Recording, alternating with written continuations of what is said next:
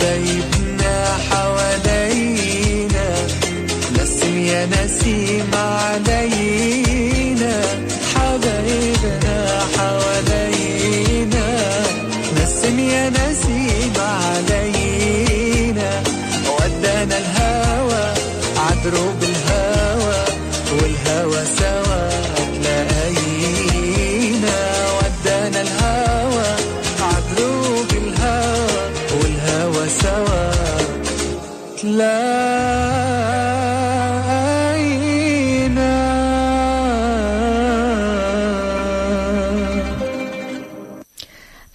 تشير إلى تمام التاسعة على موجة إذاعة المنستير.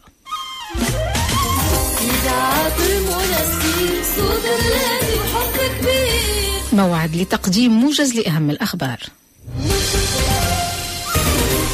أهلا بكم. قررت الجامعة العامة للنفط والمواد الكيميائية التابعة للاتحاد العام التونسي للشغل تنفيذ إضراب عام عن العمل يومي الخامس عشر والسادس عشر من مارس الجاري بجميع مقرات العمل مع إيقاف الإنتاج.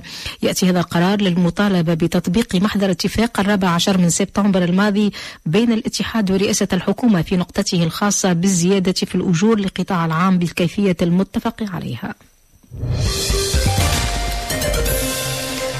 الناطق الرسمي باسم الجمعية الوطنية للمؤسسات الصغرى والمتوسطة عبد الرزاق حواس أكد أن تونس وخلال فترة مجابهة كوفيد-19 تحصلت على اعتمادات مالية كبيرة بعنوان إنقاذ ومساعدة المؤسسات وأوضح أن هذه الأموال المقدرة بملايين الأورو لم توجه لمستحقيها. واعتبر المتحدث أنه لو تم توجيه هذه الاعتمادات لمستحقيها لما عاشت المؤسسات الصغرى والمتوسطة وضعية اقتصادية صعبة بلغت حد الغلق. أكدت جبهة الخلاص في بلاغ لها رفضها قرار والي تونس منع المظاهرة التي تعتزم الجبهة تنظيمها يوم الأحد المقبل مؤكدة تمسكها بحقها في التظاهر يوم الأحد على الساعة العاشرة صباحا في ساحة الجمهورية أو من ساحة الجمهورية إلى شارع الحبيب بورقيبة. ووصفت في بلاغ لها هذا القرار بالباطل كما اعتبرت أن الاجتماعات العامة والمظاهرات حرة ويمكن أن تنعقد دون سابق ترخيص وفق النصوص القانونية.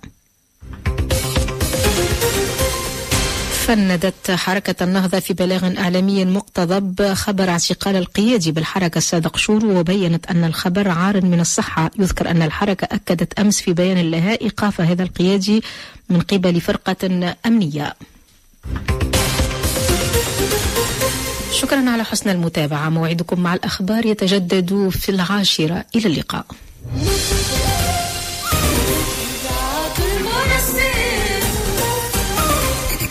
لمزيد من الأخبار تابعونا على الصفحة الرسمية لإذاعة المنستير على الفيسبوك راديو منستير point FM ومعنا ما يفوتك شيء. نلتقي مع كل ما هو جديد. مواعيد ثقافية فنية تربوية اجتماعية اقتصادية رياضية سياسية وأكثر. كل ما يهم حياتكم اليومية ويخليكم في صورة مصاير من أحداث تلقاوه في برمجة إذاعة المنستير. ومعنا تبع الموجة. تبع الموجة. أنوار من الكتاب والسنة. أنوار من الكتاب والسنة. أنوار من الكتاب والسنة. آداب ومعاني من روايات السيرة النبوية والقصص القرآني. أنوار من الكتاب والسنة مع شكري السكلي والشيخ منور المداني.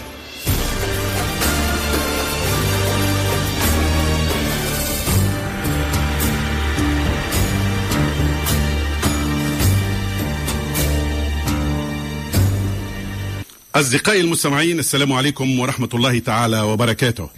مرحبا بكم إلى هذا الموعد الجديد من برنامج أنوار من الكتاب والسنة. موعد جديد مع سيدنا الشيخ منور المداني بالطبيعة آه، في هذا الموعد الإذاعي دائما على موجات إذاعة المنستير يوم الجمعة من التاسعة إلى العاشرة صباحا. نحاول ننطلقوا من قصة من القرآن الكريم أو من السنة النبوية الشريفة ودائما نستخلص منها العبر والمعاني وموضوع الحصة. اليوم أكيد فما قصة جديدة مع سيدنا الشيخ منور مداني لكن قبل ذلك حبيت نرحب به. ترحاب كبير ياسر. مرحبا سيدنا الشيخ. أهلا وسهلا. مرحبا بك. بسم الله الرحمن الرحيم. والصلاة والسلام على سيدنا محمد سراج الأنام. مستمعي الأفاضل مستمعاتي الفضليات لإذاعة المنستير أسعد الله أوقاتكم بكل خير. وأسعد الله أوقات أخي وصديقي وابني الأستاذ شكر السكلي بكل خير. مرحبا بك سيدنا الشيخ شنو احوالك صحه لاباس الحمد لله في نعمة. لله الحمد لله على كل ربي حال. ونشكروه يلزمنا نحمد ربي ونشكروه دائما في السراء والضراء. والحمد لله ربي يزيدنا من فضله قد ما نحمدوه شوية. ربي سبحانه كبير قد ما يحمد الإنسان يعطيه كل خير. وبلادنا باهية. تستحق أن نكرموها وتستحق انه نحطوها في عينينا البلاد هذه العزيزة وتستحق انه نحافظوا عليها نعم. وانه نكونوا خيان مع بعضنا ونكونوا مترابطين. شوف سي شكري سيد النبي صلى الله عليه الله وسلم. مش يقول؟ حب الوطن من الإيمان. حب الوطن من الإيمان. ما قالش حب الأولاد ما نعم. قالش حب الذرية ما قالش حب العائلة ما قالش حب المال. قال حب الوطن من الإيمان. لو كان نشوفوا الرسول الأعظم عليه الصلاة والسلام كيفاش يحب بلاده مكة المكرمة. كما قال لي كيفاش حب سيدنا النبي مكة المكرمة؟ قد ما نحبوا بلادنا وشوية. نعزوها نكرموها أكرمتنا بلادنا. نعيشوا في هواها وفي ماها وفي الخيرات متاعها. وراه مسؤولين عليها قدام ربي. باقي نعاود الكلمة ذي ربي. سبحانه. وتعالى يقول أنا أعطيتكم الرقعة هذه تونس وعيشتكم فيها شو عملتوا معها بالضبط. ردوا بالنا باقي سيدنا الشيخ ومن. بين ذلك أن نحافظوا على بلادنا بالطبيعة نكونوا متكاتفين مع بعضنا ونحبوا بعضنا ونحبوا المصلحة لبعضنا ونحبوا الخير لبعضنا باش آه، آه، آه، تزدهر هكاك ال- البلاد ويسود الأمن والطمأنينة. قصة جديدة خلينا ننطلقوا معك أنت هذه مقدمة فقط والقصة هذه من القرآن ولا من السيرة النبوية؟ فيها وفيها. هذه فهم من القرآن والسيرة النبوية. عكس سبقت قلت لك فيها وفيها. معنا نزلت فيها آية. فيه نزلت فيها آية كريمة أتوا باش نقراوها. ونشوفوا القصة هذه شنية. باهي تفضل سيدنا الشيخ. أولا نبدأ بكلام ربي. ربي يقول إنما جزاء الذين يحاربون الله ورسوله ويسعون في الأرض فسادا أن يقتلوا أو يصلبوا أو تقطع أيديهم وأرجلهم من خلاف أو ينفوا من الأرض ذلك لهم خزي في الدنيا ولهم في الآخرة عذاب عظيم. صدق الله العظيم. سورة المائدة الآية عدد 33 راكم بديتها بقوه سيدنا الشيخ. الآية آه، القرآن تقول لك. هي وعيد هذا يعني فماش وعيد نقاش وعيد. خاطر القصة ماهيش سهلة ماهيش. سهلة، مو حتى هي في- قوية. وقوية برشا وباش نسمعوها بالباهي. باهي. هاي سيدنا الشيخ وننتبهوا نسمع لها. مع بعض روي عن سيدنا أنس بن مالك رضي الله تعالى عنه إيش قال؟ قال ثم قوم من عكل. فين العقل ثم هذه آه قبيلة مشهورة. عكل بضم العين وسكون الكاف. هذه قبيلة جاوا منها عباد تو نشوفوهم قداش. وثم من عورينة هيك عورينة. زاد كيف كيف قبيلة أخرى. جاوا منها عباد جاوا مع بعضهم للرسول عليه الصلاة والسلام. أو نشوفوا العدد متاعهم كانوا أربعة نفر من عرينة وثلاثة نفر من عكل هذا نلقوه في تفسير ابن كثير الجزء الثاني صفحة 49 يعني تقريبا في الجملة سبعة. سبعة. جاوا إلى المدينة المنورة لكن المدينة كانت عندها شوية وخم كما نقولوا كان لهواها قوي شوية. وقت اللي جاوا ثميك مرضوا. مرضوا بكروشهم. علاش؟ خاطر الهواء متاع المدينة ما وافقهمش. ما و- ولمهمش كما يقول ما واحد ولمهمش أيوه. اش عمل جاوا بحذا سيد النبي مرضوا ساكن. مرضوا بكروشهم وتعبوا سيد النبي عليه الصلاة والسلام اش عمل هذوما جاوا مسلمين مؤمنين محبين لله وللرسول وجاوا مهاجرين باش يقعدوا بحذا الرسول ومرضوا يلوحهم ما ما يلوحهمش أش عمل له؟ وهو الطبيب الأول. شوفوا كيفاش أشار لهم سيدنا هما النبي. ضيفان يعني جاو ضيفان، جاو. للتجارة ولا الحاجة هيك؟ جاوا ولا- الضيفان بحذا الرسول وأسلموا. أسلموا. أسلموا إيه. سيد النبي صلى الله عليه وسلم برح على الراعي متاع إبل الصدقة الراعي السارح. سيد النبي عليه الصلاة والسلام عندهم الإبل متاع الصدقات تابعين يعني كما ال- المال المسلمين مال المسلمين. كما فما بيت المال. أيوة. فما الإبل اللي مثلا تابع البيت تابع المال. البيت المال إذا كان فما. ناس محتاجين ولا حاجة. يذبحوا لهم ولا يشربوهم ال- ال- الحليب نتاع الإبل أيوة. تابع لل- للدولة كي تابع قلنا. أيوه. باش نكونوا واضحين. أيوه. سيدي النبي صلى الله عليه وسلم برح على السارح هذايا تو نشوفوا اسمه. تو ناخذوا اسمه زاد شكون هو. قالوا اسمع. قالوا هذوما السبعة من الناس جاونا ضيفان وأسلموا كذا. هزهم معاك إلى إبل الصدقة إكرمهم وكلهم شربهم طيب لهم لكن أعطيهم من اللبان متاع النياق. الحليب متاع النياق. شربهم. خطراش فيه شفاء ما تخافش منهم. وكلهم شربهم وتلهي بيهم السيد الصحابي هذايا امتثل كلام سيد النبي. عليه الصلاة والسلام هزهم فرح بيهم ياسر أكرمهم ياسر أعزهم ياسر وعلى أطراف المدينة يعني كما تقول في ال في ال إيه. تخرج شوية من المدينة خاطر يرعى بهم. هو يرعى بالإبل مش وسط المدينة يعني لا البر أي. البر سواني ما كما نقولوا هكا مش أي. سواني في معنى تو باش نوضحوا الصورة للسادة المستمعين صحيت يعطيك صح البرة من المدينة. مم. وغاديك. كل خير وطيب لهم هو ويلقاو كل. شيء شو تلهي بيهم خديم ما بين ايديهم نقولوا إحنا مش ساهل راهو. اسمع كلام. سيدنا. ويطبق وصية الرسول. يلعب هو. قالوا بنا- قالوا تلهي بيهم. ضيوف أسلموا هنا وجاونا. يلزم وجاو مرضوا شوية. نتر- نرعوهم. نرعوهم. ولا لوحوهم مرضى لوحوهم. لا. قالوا وكلهم وشربهم وطيب لهم وخلي يخرجوا في الهواء الطلق. نقولوا إحنا خاطر هواء المدينة ما ساعدهمش. ما هكا ولا لا؟ وقالوا شربهم الحليب متاع النياق وهما معنا مرضى متكين أي مرضى مرضى تعبين مساكن. أيوة. وهكا وصلوا للموت مش سهل. أيوه. هزهم السيد هذايا الصحابي رضي الله قلت عنه. اسمه أنت؟ آه، أتوا نشوفوا اسمه. أيوه. ما عليناش مش أي، مشكلة. تو نلقاو اسمه. بعدها هزهم وكلهم شربهم طيب لهم خرجوا للهواء الطلق ارتاحوا مك الهواء متاع المدينة المخملة فيه شوية رطوبة وكذا. وبداوا يتنفسوا تنعوشوا ركحوا الأمور. يضربوا في الحليب الناقة على حساب سنتي يقولوا واحد. معناه معناه معناه كين سامحني كين الامه اللي ترعى في ابنائها صحيح. لا بيهم مرضى بالواحد بالواحد. شربهم. ولا بيهم هكاو أيوه كل ما يحتاجوه. بداوا سيدي يضربوا الحليب ما خاطر حليب الناقة راهو قوي. وصحي وباهي ونافع ياسر.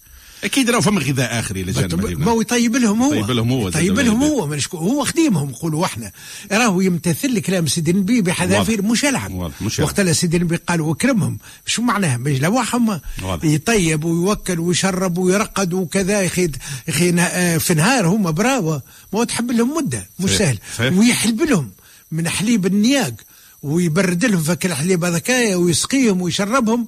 وش باش يرضيهم أيوة. امتثالا لأمر سيدي النبي. أي سيدي صحوا وتنفسوا لباس عليهم.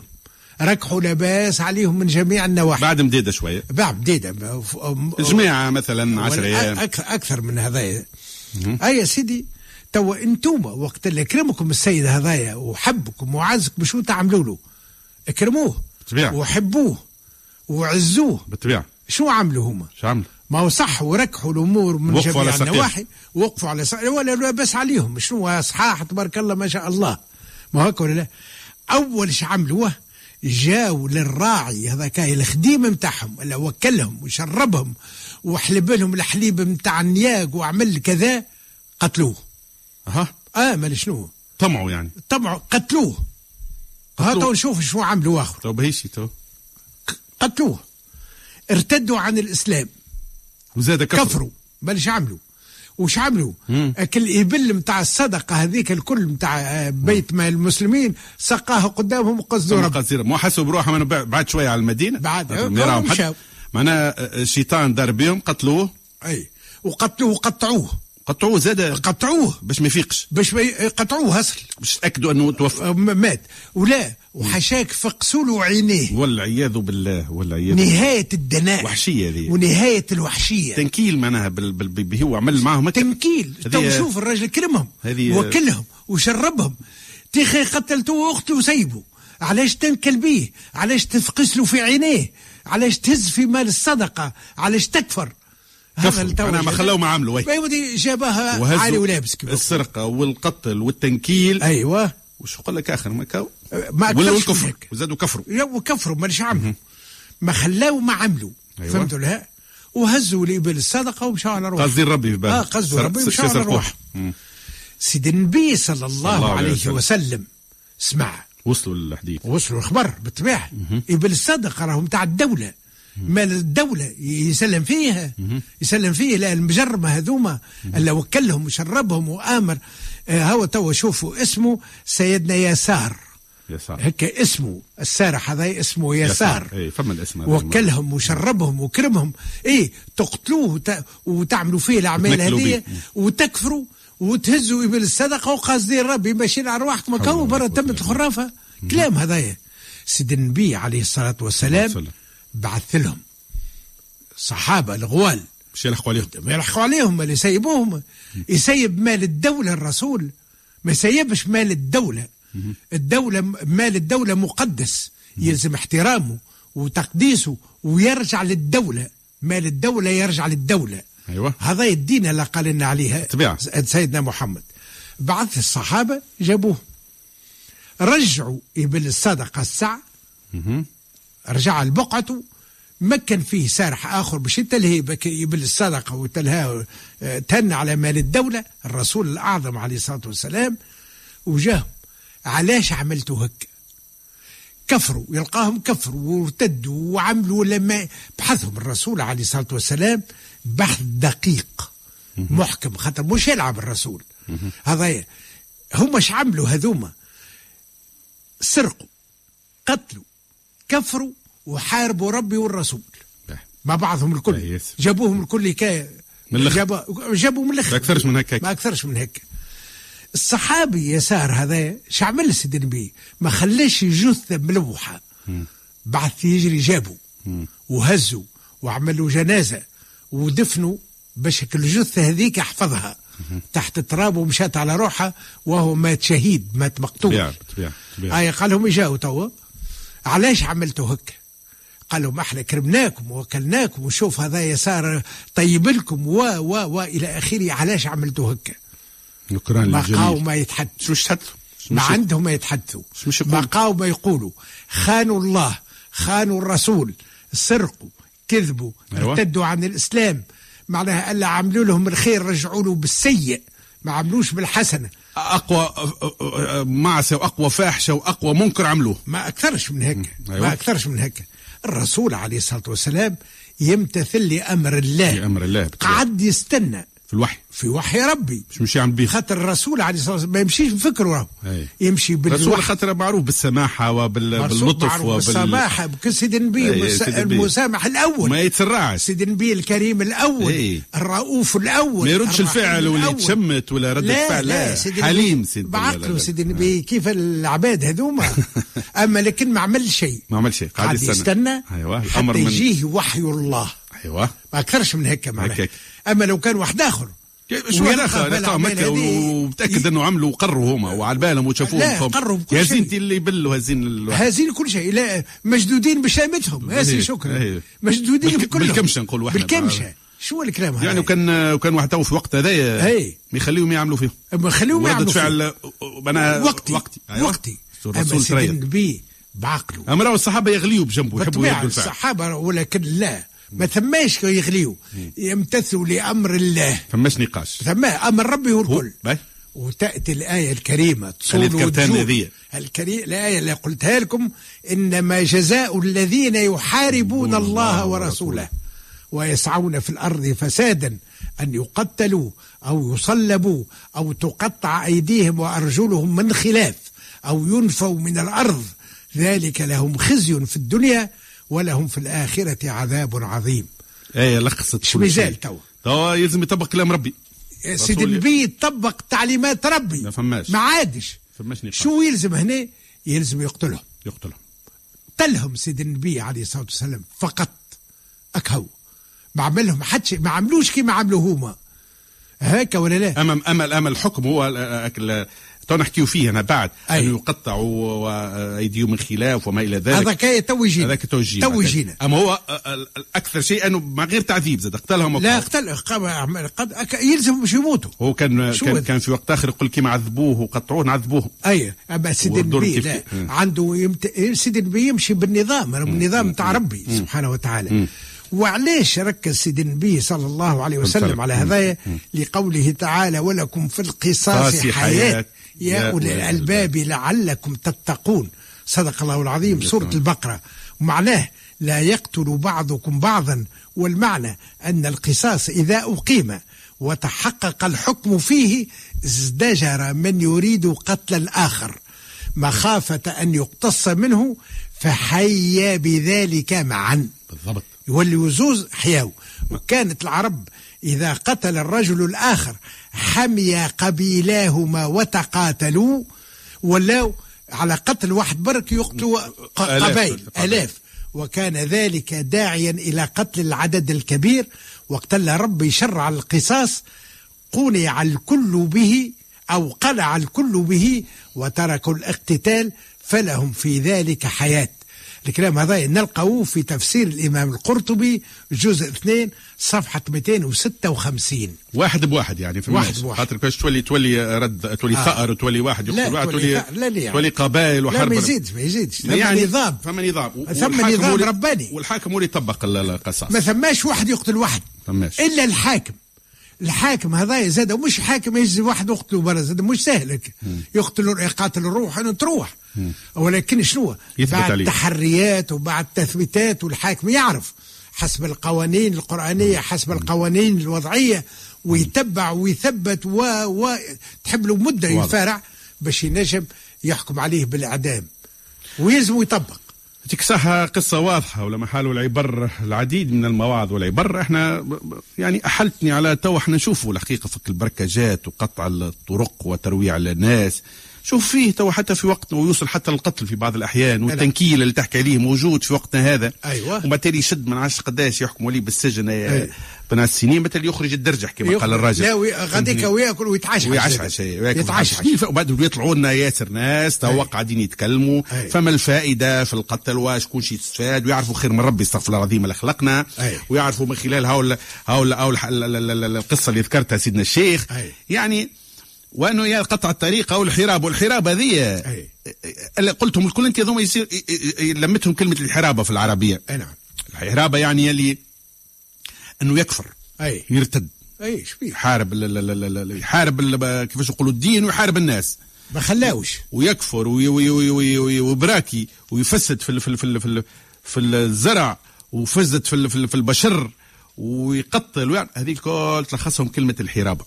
وإحنا ما ما يعبر عنه بالبركاجة مزيدها شوية كفر وبر بالضبط. والظاهره هذه كما قلت أنت منتشرة في الجزيرة العربية منذ القدم آه،. سيدنا الشيخ نعم. وفيه سفك الدماء وسبي النساء وموجود هذه يخرجوا جماعة مسلحين و آه، بالسلاح نتاعهم ويحاولوا ينهبوا وإذا كان زاد أمكن يقتلوا يقتلوا باش يعملوا ال- يخافوا مثلا من الفضيحة ولا يخافوا.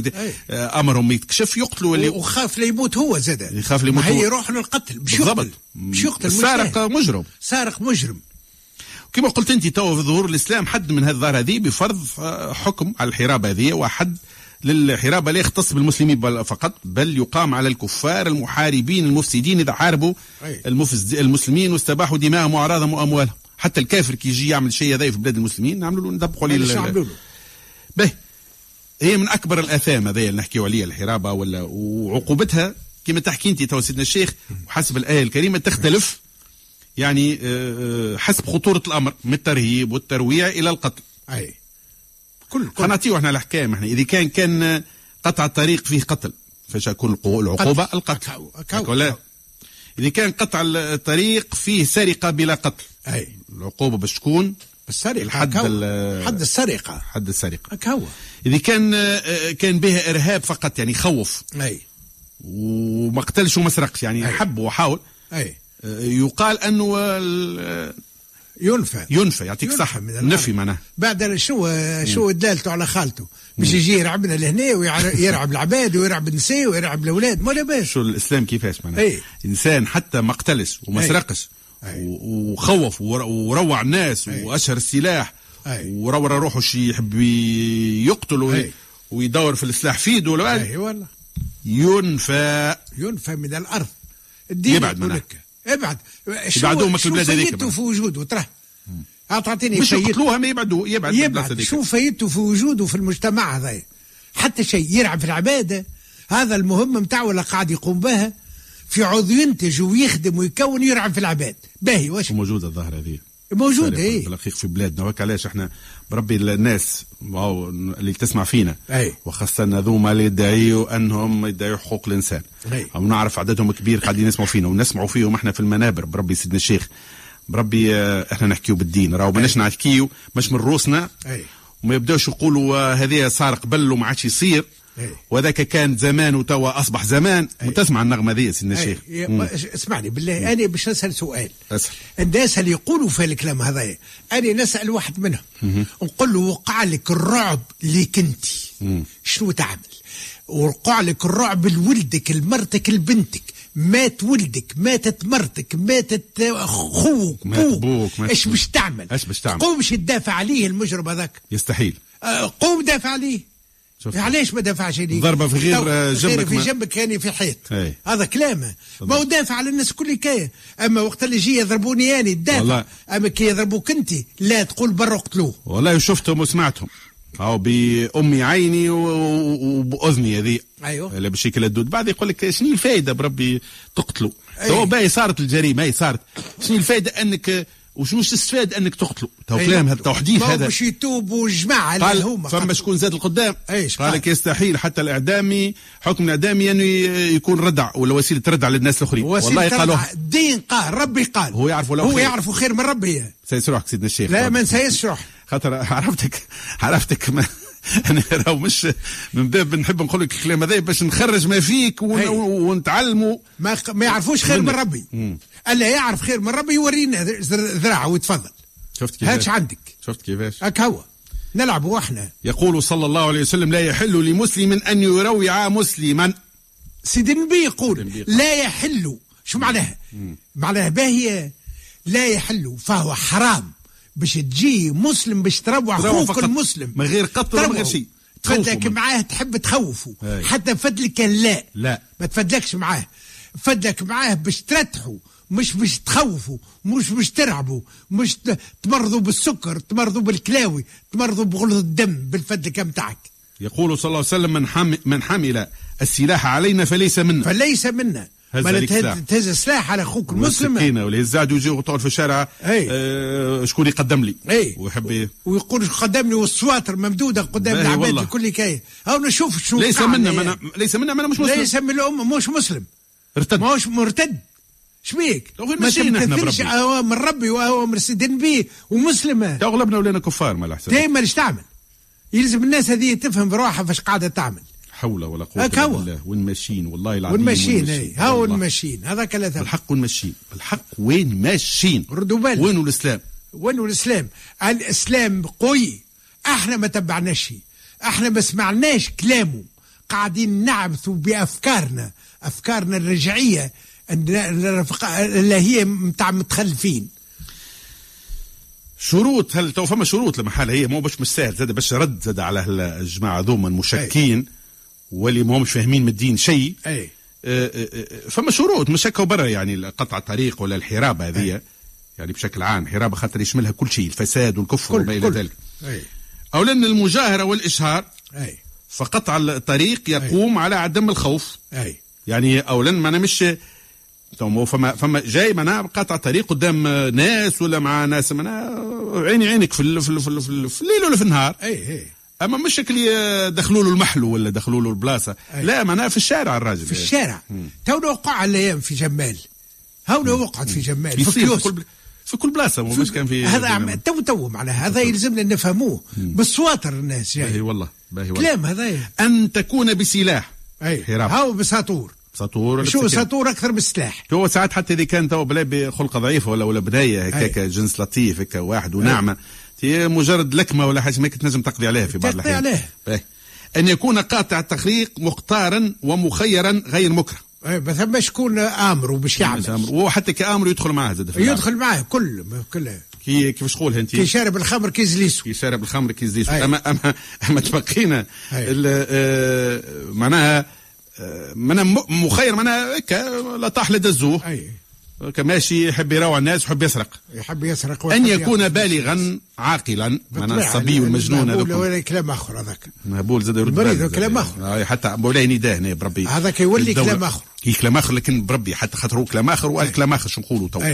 بربي فما العديد من الناس اللي يستدعيوا إحاطة أي. نفسية لأنه تو تلقاهم العديد منهم. تو فما آه، آه، المرضى شوية لما المرضى العقليين هذوما وربي يفرج عليهم ربي يفرج وربي. وربي وربي يكون في عون أهاليهم آه، ثم يبدا مسالم. مريض وربي يفرج عليهم الكل وفما اللي يبدأ عدواني شوية سيدنا الشيخ تلقاه مازال بصحته وساعات تلقاه بسلاح وصارت أمامي في أي. في مرة من المرات تفكرها جريمة قتل هكاك صارت أي. أمام. عيني هذوما كما نقولوا مرة أخرى بشيء هكاك خرج من مستشفى الأمراض النفسية ومازال بصحته كل شيء أيوة. ونادل عامل في المقهى أي. أمامي بالسكين أيوة. وتوفى الله يرحمه وينعمه. إن شاء الله من الشهداء أي. ومن بعد تالي السيد هذاك وقال لك الله غالب قال لك مجنون. رجع للمستشفى ال- ال- الامراض العقلية وكهو. يعني بربي ال- الناس هذوما اللي يعرفوهم فهمتني؟ يعني خلينا نقول عدوانيين شوية عندهم النزعة آه، كما نقولوا وك وعندهم قوة بدنية وهو فاقد لل للعقل نتاعو وفاقد للإدراك نتاعو. يلزم بربي هذوما إحاطة كبيرة ياسر ويلزم أهاليهم يهزوهم للمستشفيات أي. ويهزوهم يرعوهم أحسن أكثر وما يخلوهمش مسيبين ما هكاك في يخليهمش مسيبين يتلهوا بهم ويهزوا باش واضحين. الدولة عاملة السبيطارات للناس هذوما صحيح خاطر انت قلتي تو لا يؤاخذ انت ال- ال- المجنون لا يا أخي عند ربي هي عند ربي ما يؤاخذش لكن زاد إحنا يلزم نرعاهم الح- تو الحاكم حتى الحاكم باش يحكم عليه بالحبس ما ينجمش. يحكم عليه حتى تهز. السبيطار قلت لك. الامراض العقلية إي يلزم. السبيطار خلي يداوى غديك وتبعد الناس آه، من شره باهي سيدنا الشيخ أنا باش نواصلوا نحكيوا على قطع الطريق والحرابة والموضوع هذايا ال- ال- أيوة. اللي اخترناه موضوع صعيب شوية والحصه قوية شوية قوية شوية ها؟ غالبك هاو آه نعملوا استراحه صغيرة. باهي ما يسألش. اللي كنت تر- ترجع انفاسك خاطر تشنجت شوية حسيت بيك اليوم. ما يسألش الله غالبك طول بالك بربي. آه، ما هو مطولين بالنا أكثر من هيك ما أكثرش عاد. ونرجعوا بعد هذا النغم إن شاء الله. أنت لطيف ومنك يشملنا اللطف. لطيف لطيف إننا متوسل. بلطفك فالطف بي وقد نزل اللطف. بلطفك عدنا يا لطيف وها نحن. دخل في وسط اللطف وانسجن اللطف. نجونا بلطف الله ذي اللطف إنه. لطيف لطيف لطفه دائما لطف تداركنا في اللطف الخفي العطاء أنت الذي تشفي وأنت الذي تعفو. أغثنا أغثنا يا لطيفا بخلقه. إذا نزل القضاء يسبقه اللطف بجاه إمام المرسلين محمد. فلوله عين اللطف ما نزل اللطف عليه سلام الله ما قلم شيط ألا يا لطيف يا لطيف لك اللطف بجاه إمام المرسلين خير الورى. ولوله عين اللطف ما نزل اللطف عليه سلام الله ما قلم قائلا. ألا يا لطيف يا لطيف لك اللطف بجاه إمام المرسلين شفيعينا ولولا عين الحفظ ما نزل الحفظ عليه سلام الله ما قال صادقا. ألا يا حفيظ يا حفيظ لك الحفظ فيا مؤمن أمن بأمنك خوفانا وأمن نحن فيها من الخوف.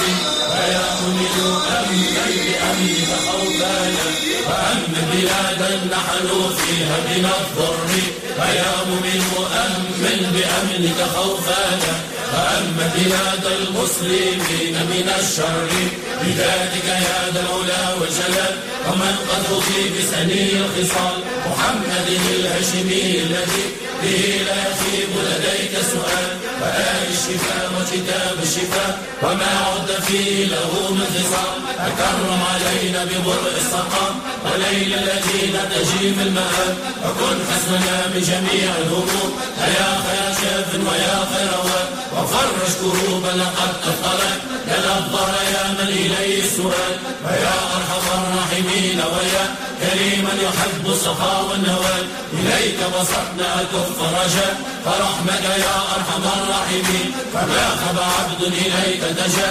وسيلته سيد المرسلين. إليك بسطنا كف رجاء. فرحمك يا أرحم الراحمين. فما خب عبد إليك دجا. وسيلته سيد المرسلين. إليك بسطنا كف رجاء. فرحمك يا أرحم الراحمين. فما خب عبد إليك دجا. وسيلته سيد المرسلين. محمد. نعود من جديد لمواصلة برنامج أنوار من الكتاب والسنة. آه، بالطبيعة موضوعنا قوي شوية كما كنت نتحدث مع منذ حين مع سيدنا الشيخ. نحكيه على قطع الطريق والحرابة والبركاج والسرقة بالقوة هذه. وكما آه، وإحنا الحقيقة الموضوع ذا استخلصناه من خلال القصة اللي ذكرتها لنا سيدنا الشيخ نعم آه، عاد ذكرنا باختزال. باختزال الجماعة إيش عملوا هذوما؟ هذوما. إيش عملوا؟ سبعة من الناس. هم سبعة من الناس. جاوا لبس عليهم. اسلموا على دين الرسول. جاوا. بالبعيد جاوا. أي جاوا من البعيد. وصلوا المدينة. تعبوا في المدينة. الهواء متاعهم ما ساعدهمش مرضوا بكروشهم. سيدن بيبرح على يسار هذايا. على لاهي بالإبل نتاع ال- الإبل نتاع الصدقة. قالوا تلهي بيهم. وكلهم شربهم. وخليه يتنفسوا. طلعوا الهواء الطلق كلاوا وشربوا حلب لهم النياق شبعوا بالحليب تفرهدوا تفرهدوا. صح ولا ولا لبس عليهم. أول ما عملوا داروا عليه. داروا عليه قتلوه هو كفروا وساقوا الإبل الصدقة وخانوا ربي والرسول وقصدوا ربي ومشوا على رواحهم أكثرش من هيك. ما أكثرش من هيك. ونكلوا به. ناكلوا نتاعو نقبلوا عينيه. يا لطيف يا. لطيف يا لطيف. عباد. والرسول قاعد يستنى في الحكم. وجات الآية الكريمة حتى جات الآية الكريمة طبق عليهم حكم ربي حكم. ربي ما فماش نقاش ما ثماش نقاش معناها ما هذايا هون نذكروا به الآية أي. سيدنا الشيخ أي. يعطيك الصحة إنما جزاء الذين يحاربون الله ورسوله أي. ويسعون في الأرض فسادا هذه أي. الحرابة يعني أي. فساد في كل شيء فساد أن يقتلوا أو أيوة. يصلبوا أو تقطع أيديهم وأرجلهم من خلاف أي. أو ينفوا من الأرض ذلك لهم خزي في الدنيا ولهم في الآخرة عذاب عظيم. يعني هذا خزي في الدنيا وفي الآخرة عذاب عظيم دون القصاص. دون القصاص. دون القصاص. يلزم يتقتل كلام في. الدنيا ويزيد من فوقه. الدين يحب المجتمعات آمنة. صح. ما يحبهاش مرعوبة. الناس تعيش مرتاحة. ناس ناس ما عادش مرتاحة. تو ما عادش. الحقيقة في بلادنا. للأسف؟ قاعدين نشوفوا في. مظاهر غريبة جدا. أي. غريبه نشوفوا بالله وحشية توصل لحد الوحشية. كلام هذا. كما السيد هذا اللي صار في عهد الرسول. أي. ال- ال- اليسار اللي قتلوه نحتسبهم إن شاء الله من الشهداء. أي. آه إحنا خلينا نبينوا هالمظاهر. بربي باش كل واحد يعرف روحه وين. راك كي باش تعمل الشيء هذا عبارة ارتديت على الإسلام كفر. أي بالطبيعة. وتعدى على الدولة. الدولة. وتعدى على ش... على الشخص بيده. فهمتوا على الشخص بيده وتعدى على تعليمات الله وتعليمات رسول الله. دخلت ما عملت معنا. شو خلى عمل ما خلاه ما عمل. إيش تحب آخر؟ به. مظاهر هنبينوا بعض المظاهر باش يعرف روحه علاش قادم السيد. راك كفرت راهو. ولا تقوم بالحكاية ذي وتقول جعت ولا ما لقيت مناكل لا لا. لا ثماش جوع. لا ما فماش جوع. ما ثماش. واحد يجوع ويمشي يقتل العباد لا. يمشي يخدم الخدم موجودة. يا سي شكري الخدم موجودة. بلادنا فيها برشا خدمة أحنا نخدموا أما تجوع تقتل العباد لا. ما ثماش فما شكون مو يلقاو في حجج واهيه يقول لك مثلا. نمشي نسرق الغير لأنه هو آه، شبيه هو لا. شكل شكل لغة كيفاش وصلنا إحنا؟ هذا. كلام. شبيه هو لاباس عليه وأنا وأنا هو لابس عليه. ربي يعطاه وخدم على روحه. أخدم على روحك ولابس عليك. أما باش تمشي تترمي على العباد تقتلهم وتسرقهم باش تاكل أنت. كلام هذا يتقال. ما ثماش ومح- ومحاسبة السراق راه وال- والمفسدين مش من كان عامة الشعب. أي. حتى من كل. الفوق حتى المسؤولين في أعلى. هرم السلطة. اسمع وقت ال- ال- ال- الإبل بتاع شكون؟ الإبل اللي وقعت في الواقعة الدولة. دي بتاع الدولة. سيدي بيشخة رجع مال الدولة. أول ما جاب جاب الإبل الساعة. رجع مال الدولة قبل كل شيء. وبعد قال لهم يجاو نتفاهموا. معناها آه، تطبيق. تطبيق ال- ال- ال- القانون قبل كل شيء آه، تطبيق القانون. على الجميع زاد يلزم. الدولة الناس كل. كيف كي كي الكبير كي المسؤول ولدي كي كي ال- الكبير كيف الصغير لا لا يتبعوا على حصير عباد ربي الكل. مهم ياسر ثماش هذا. الدين يقول لك. فكيت ترجع. رجع. فلوس الدولة فلوس ياني. ما ثماش واحد اسمه دولة. ثم الشعب. هذاك هو الدولة. رجع فلوس العباد. الناس تخدم وتتعب وجوعانة وانت تسرق وتهز لدارك والله ما نعرف. هذا كلام وتحط. في البنوك وتخرج وتهرب. ويهز البرة ويدور وتلة وشايخ وفلوس ومليار شفت إحنا ما حبينا نقولوا انه الإسلام يعني آه، آه، آه، يعني يطبق. لثماش. آه، الشرع على الجميع. على الجميع. كيف كيف؟ ثماش كلا يسرق في مستويات يعني يسرق جاره أي. كلا يسرق الدولة. دولة دولة. كيف؟ كيف. فلوس الدولة هذوكما باقي خلينا نبينوا بعض المظاهر إحنا باش نعرفوا رواحنا وين ماشيين سيدي أيوة. الشيخ من قطع الطريق نعم. فما قطع طريق بوضع حواجز أو حجارة في طريق لإيقاف السيارات بالطبيعة أيوه هذه ولات موجودة الظاهر دبالنا زاد يحط لك حواجز ولا أيوة. ولا حجر في الطريق خاصة في الأماكن اللي حركة المرور مش كبيرة ياسر فيهم في, ال- في الليل خاصة و... أيوه والله. ويروعوا الناس باش يوقف السيارة وينهالوا عليها كل برمجة. كل برمجة تحمل معها جديد. والكل مستمع عنوان. عناوين. عناوين. للصغار والكبار كل نهار. إذاعة المنستير. وتبقى إذاعة المنستير اختياركم الأقرب. اختياركم الأقرب. إذاعة المنستير الحمامات تكلسة بوعرقوب على الموجة 104.7 إذاعة المنستير 104.7 نلتقي مع كل ما هو جديد. مواعيد ثقافية فنية تربوية اجتماعية اقتصادية رياضية سياسية. وأكثر. كل ما يهم حياتكم اليومية ويخليكم في صورة مصاير من أحداث تلقاوه في برمجة إذاعة المنستير. ومعنا تبع الموجة. تبع الموجة. كل برمجة. كل برمجة. تحمل معها جديد. والكل مستمع عنوان. عناوين. عناوين. للصغار والكبار كل نهار. إذاعة المنستير. وتبقى إذاعة المنستير. اختياركم الأقرب. اختياركم الأقرب. إذاعة المنستير. الحمامات تكلسة بوعرقوب على الموجة 104.7 إذاعة المنستير. 104.7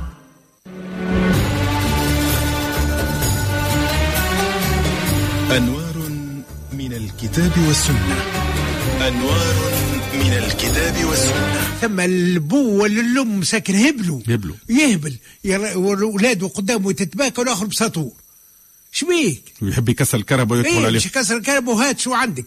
هاتك ال- السلسلة هات الفلوس هات ال portable وساطور كي, كي الغول. ونضحكوا لهم. إيه.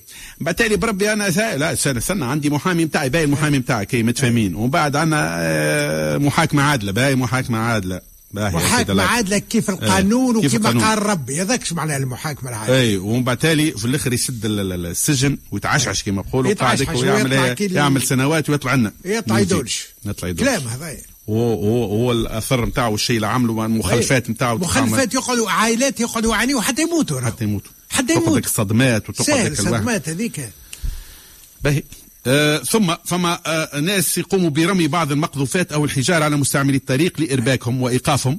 ويمكن أن يؤدي الأمر في بعض الأحيان لحوادث مرور مريعة. تقع. شفنا يرمي حاجة مثل جوره في الطريق مكاكه ويرميه حجر يتخباه. آه، يبدأ السائق ترعبي الحجره كبيرة يعمل أي. معناها كما يقولوا سامحوني على العبارة بالفرنسي déraper الكرهبة معناها تنعرج وتمشي ويضرب. وي- وي- ويعمل حادث مرور. ويموت هو. ويموت هو. ويموت هو. خاطر تضرب ومات. سيدي فما شكون عملت حادث هذه؟ القصة اللي نعرفوها الكل اللي هي تحت ضر وكانوا ينجموا في عضلة يجيبوا لها شو سن الوحشية كيفاش. في عضلة يطلبوا لها الإسعاف. هذه فتاة وسمعناها لها الكل في وسائل الإعلام. يطلبوا في سيدنا الشيخة يسلوا لها في الذهيبات الناس. باش شهيد وهي وقتها معناها بين الحياة والموت. لربما كان طلبوا الإسعاف راهم اسعفوها أيوة. وأنقذوه. ومات. هم سرقوها وماتت بعد ومات. غادي هذو خلاص. هما قاتلين الروح. يوم القيامة قاتلين الروح. هما لاهين بالله تو هم فك الحالة هذيك. باش لاهين بضرب البندير ولا بمديح المصطفى؟ باش لاهين. ونعرف كلام هذا يتقال. معناها ولا معناها معناها ولينا هيك شوف فاش ولينا بالضبط. شو الإسلام وينه بالتالي؟ شو لا لا الله محمد هاو جاء رمضان.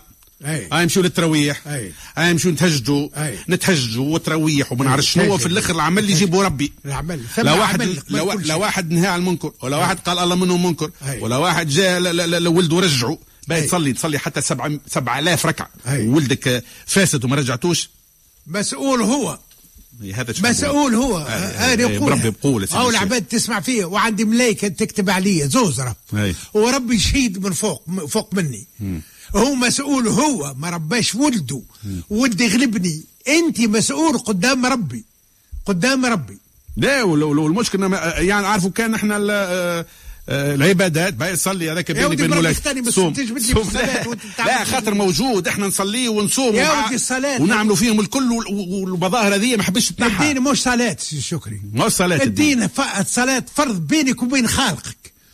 بينك وبين ربي. أكهو. حتى باش يحاسبك هو ما عندكش دخل. أما أنت وقت اللي تصلي وترعب العباد يقول لك ما تحاجتيش بصلاتك. أمن لي العباد متاعي. بالضبط. إحنا عباد الله راهو تصلي وتسرق اي تصلي وتسرق تصلي تصلي ومناش آه، كيفاش نقولوا ترغب على غيرك كلام هذايا انت موجودين هون تسرق في مال. الدولة وتسرق في مال الشعب التونسي وت- وترتشي وترتشي ومسؤول. يمشي للجامع يصلي نهار الجمعة يصلي. ومن بعد تالي فهمني ما يصلي. خلي ما يعمل في المسؤولية نتاعو صلي ثماش آه. ما ثماش أنا نتحدث ونعرف هذا يصيح والله هذا أكاو. خاطر تو فما بعض الأئمة ويعطيهم الصحة وبارك الله فيهم والوعاظ ونحضروا في صلوات الجمعة. باهي نركزوا على العبادات وباهي كل مرة في مناسبة آه، آه، ما فيها باس نذكروا الناس بحاجات لأن بعدنا شوية على ديننا إيش كان يعمل سيدنا الحدث هذاك شنو يمثل آه، وقتاش نزل القرآن وقتاش تفرض الصوم والكل باهي ونحثوا الناس على القيام الليل وعلى وعلى. لكن زاد المعاملات ما تنسوهمش. اسمعني. وأهم شيء. اسمعني. تفضل سيدي. نقول لك هالكلمة؟ الفقه المالكي إحنا مذهب من الإمام مالك وقت اللي نجيو نشوفوا الفقه المالكي. كتب الفقه. كيف رسالة ابن أبي زيد القيرواني. كيف أقرب المسالك. وقت اللي نشوفوا الكتاب أقرب جزئين هو. الجزء متاع العبادات صغير مش كبير مش كبير. وقت اللي نشوفوا الجزء متاع المعاملات نلقاوه كبير. لأن المعاملات مع العباد هذاك الأساس. قداش تحدث الدين على المعاملات؟ تحدث على المعاملات أكثر من العبادات. خاطر العبادات صلاة وصيام وزكاة وحج. وكل واحد ينجم يعملها. ولا وسهلين. سهلين. اسمع عندك شهادتين. الصلاة. قالك صلي ما تجمش بالواقفة صلي. كلمتين. حتى في فرشك؟ تصلي. مم. الصيام كانك مريض ما تصومش ما تصومش. ما تسألش الحج فقرية ما عندكش ما, ما تحجش. الزكاة ما عندكش زوالية ما عندكش ما ح- امل امل معاملات أكثر أكثر أكثر أصعب. معاملات وأصعب باش تخرج من جيبك وباش. تعطي للزعاون الزوالي أي،. وباش وباش وباش أكثر آه، معاملات وباش شوفوا المعاملات وباش وباش ترى لعابك يسيل وترى في المال قدامك وتشد روحك وما تسرقش ما وما تسرقش. تنهبش وما ترغبش. ما تاخذش الرشوة. اي وتحترم. خدمتك وتحترم. آه الشعب وتخلص الناس- في العمل. أي كلام هذا قداش مش. قداش مش نعدوا خليني نسكت خير. ليه ولا نتكلم. تكلم نتكلم. إيش قاعدين. نعملوا إحنا. باهي ثم من مظاهر آه، قطع الطريق والحراب هذه يا سيدنا الشيخ. الأخاء بعض الأشياء الثمينة وحقيبة. ساعات تلقى واحد يرمي تحيل يعني فيهم أي. أي. يرمي فليجة كيكه ولا حقيبة. ولإثارة مستعملي الطريق ويوقف ينقزوا عليه بالطبيعة هذيك صنارة صنارة. يعملوا له صنارة باش يشدوه يقول والله حقيبة. هذه ملوحة على أي. درش كنت تلوحها ولا أي.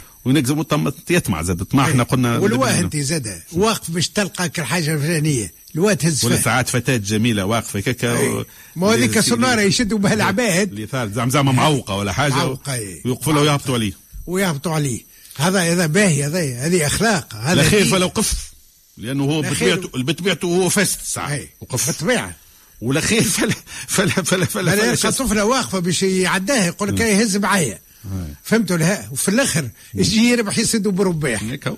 خاصة ذيك النوايا خبيثة. نوايا خبيثة. ثم فما ال- المتعارف والموجود هذا اعتراض المارة بالأسلحة والعسيف في أماكن معزولة باش يسلبوهم. يجيو في بلاصة معزول يمشي وحده فتاة رجل مسن كبير بلاش رحمة ولا شفقة ونحيوا له الفساد. هات فلوس وبر هات فلوس وخبط ويضرب وهات البورتابل وهات اضرب هك. كلام هذا والآخر يقعد ملوح مسكين مرعوب. حول ولا قوة إلا بالله. ربي يعفو. إن شاء الله. هذوما بينت بعض المظاهر سيدنا الشيخ وتوا ما أنا ما أنا هو عديده وعديده جدا طرق وديما يتحيلوا ديما يعني لا لا هم ديما يفكروا في جديد.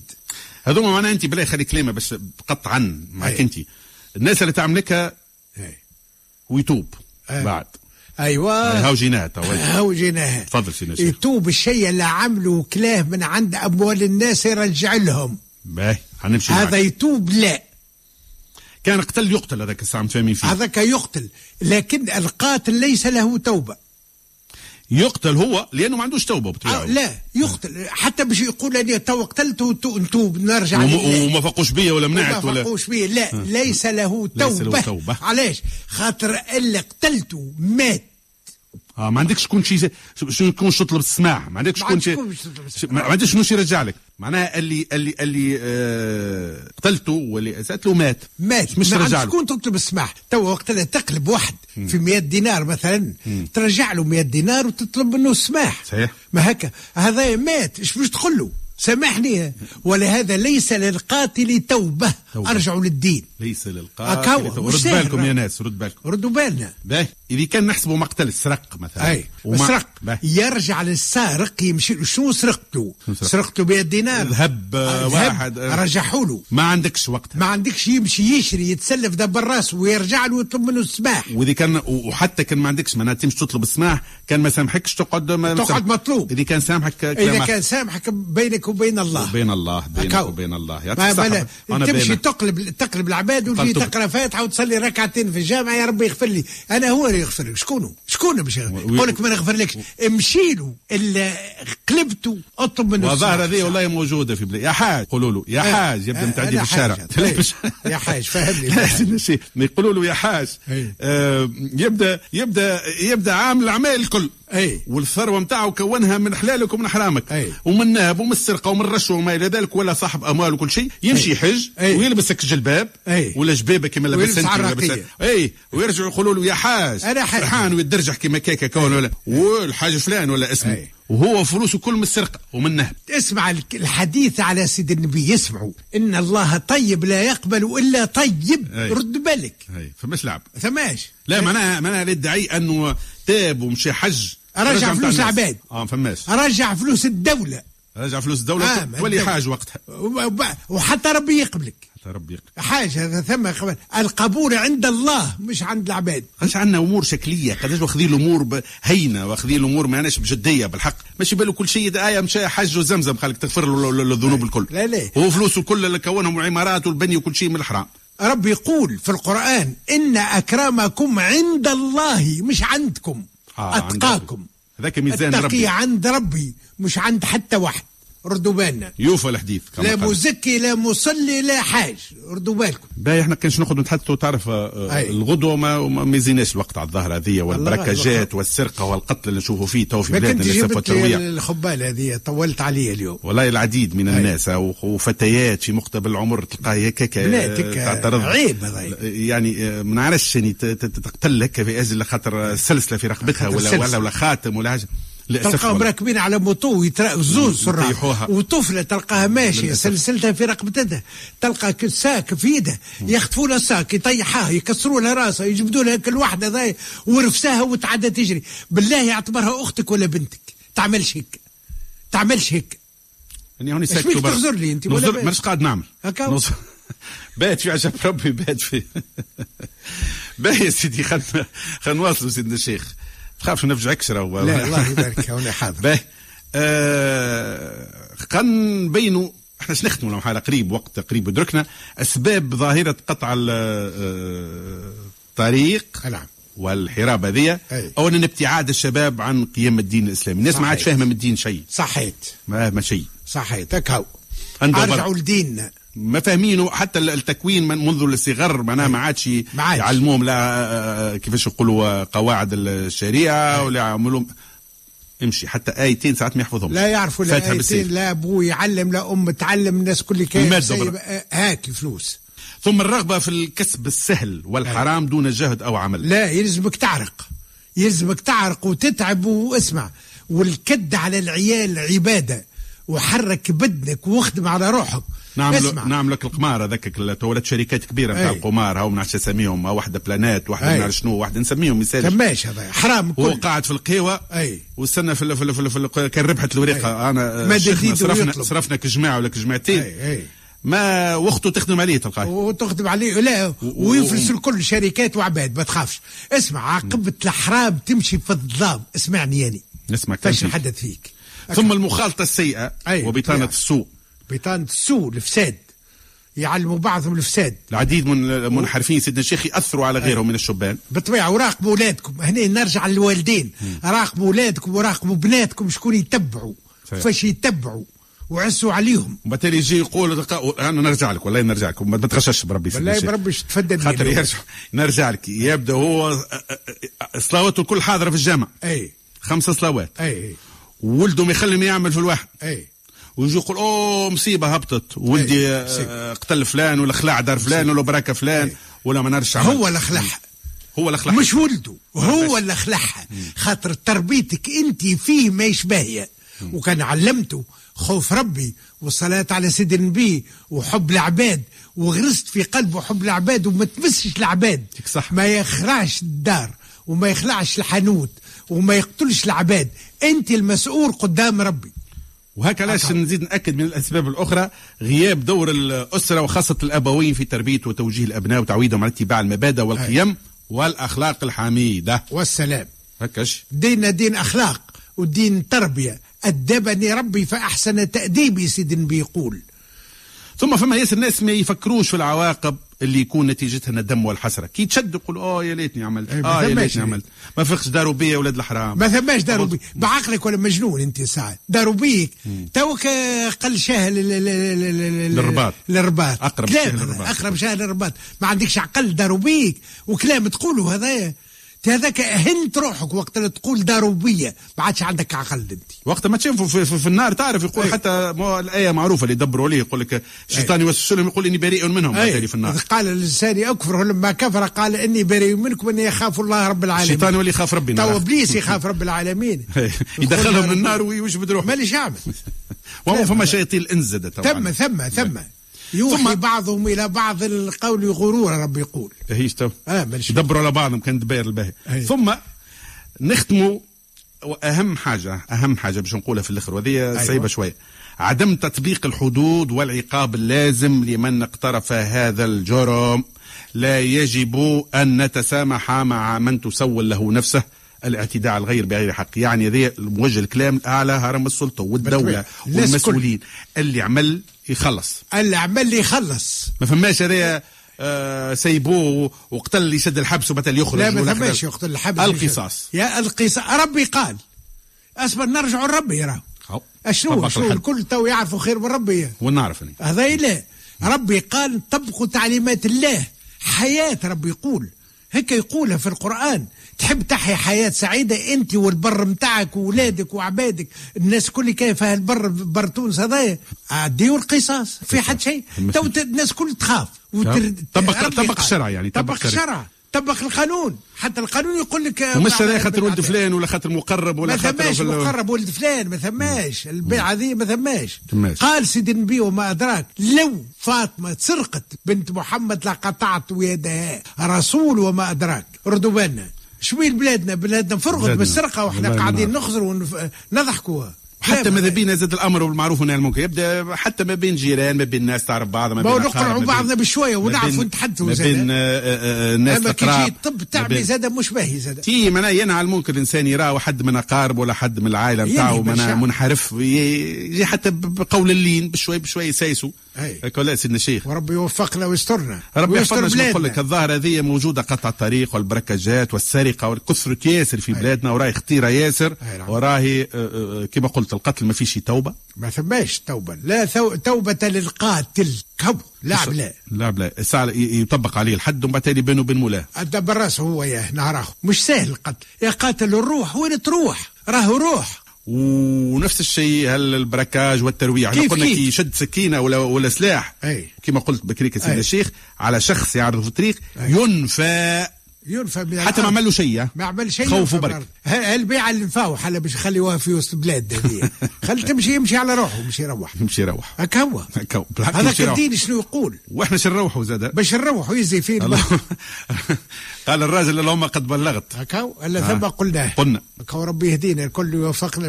بالله نحافظوا على بلادنا سي شكرا. أهم شيء. بالله خافوا ربي في البلاد. بربي يخافوا ربي في البلاد هذه وحافظوا عليها. رحنا مسؤولين قدام ربي عليها راهو كي يخافوا ربي في البلاد على العباد زاد في على العباد، نتحدث على العباد. ما نضروش بعضنا. إي. عباد وبلاد. اي على عباد كيف كيف؟ ما إحنا نتحدثوا على حيوطها إيه. حنتحدثوا إيه، على العباد زاد- الموجودة في حتى الحيوط تونس نستحفظوا عليها زادوا البلاد ولا- ال- البنية التحتية والبلاد والغابات. والشجر كل- كل. والبيئة وكل نحافظوا عليها. حافظوا على بلادنا برك. والسلام. باهي سيدنا الشيخ يعطيك الصحة سيد- اليوم تعبتك شوية ظهر لي. لا باس إن شاء الله ما إن شاء الله الحديث نتاعنا يلقى الأذان الصاغية بإذن الله. وربي يهدينا ويهدي جميع المسلمين إن يوفقنا. شاء الله. والآن نستأذنكم في الانصراف ونقول لكم إلى اللقاء. إلى اللقاء مع التحية للزميلات المتربصات أمال بوشنيبة آية الرويني وأحلام البازي. شكرا والسلام عليكم ورحمة الله تعالى وبركاته. أنوار من الكتاب والسنة. أنوار من الكتاب والسنة. أنوار من الكتاب والسنة. آداب ومعاني من روايات السيرة النبوية والقصص القرآني. أنوار من الكتاب والسنة مع شكر السكلي والشيخ منور المداني.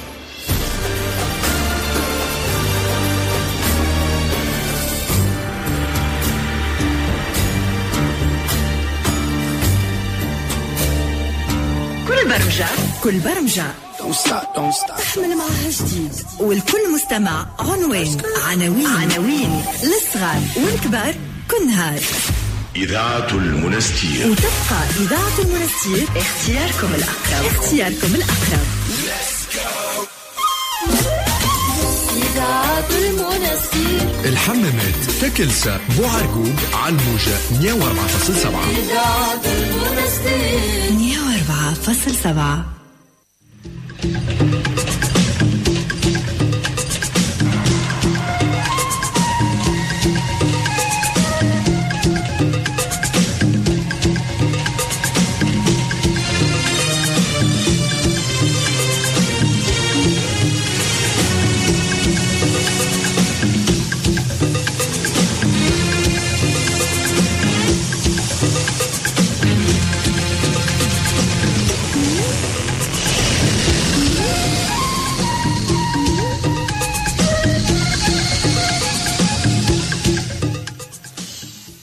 إذاعة المنستير نحييكم ونقدم لكم موجز الأخبار.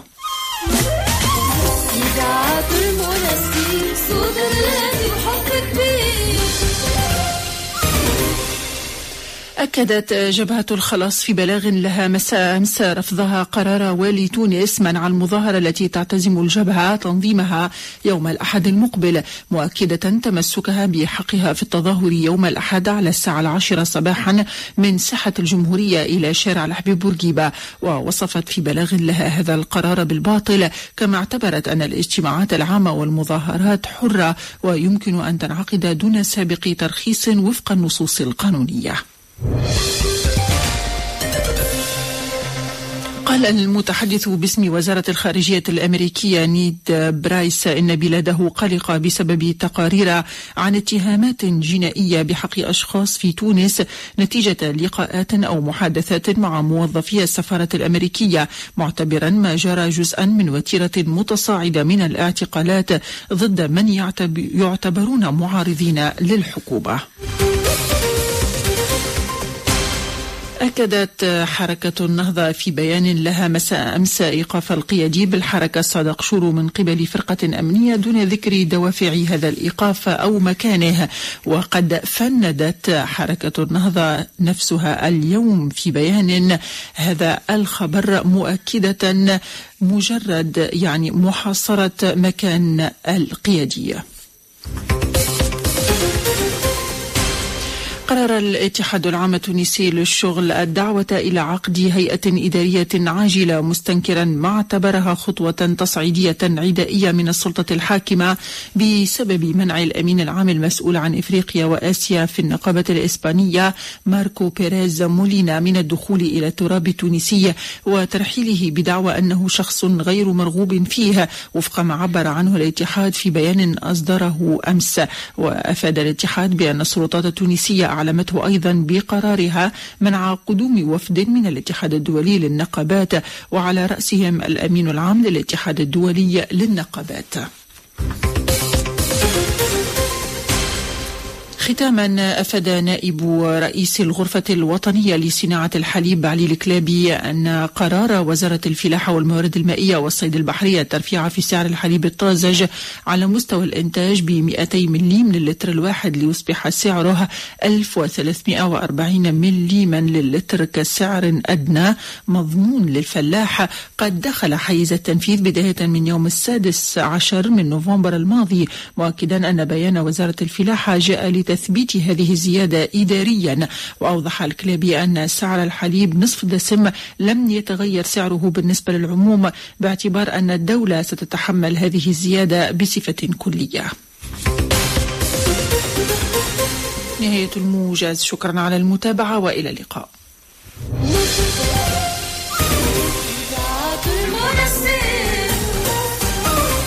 لمزيد من الأخبار تابعونا على الصفحة الرسمية لإذاعة المنستير على الفيسبوك راديو منستير point FM ومعنا ما يفوتك شيء. إذاعة المنستير. من العشرة لنصف النهار من العشرة لنصف النهار برامج إذاعة المنستير إذاعة المنستير. لكل الاهتمامات. مساحات للاستفسار والنقاش في مواضيع تهم الشأن العام المجتمع الأسرة من الكبار للصغار.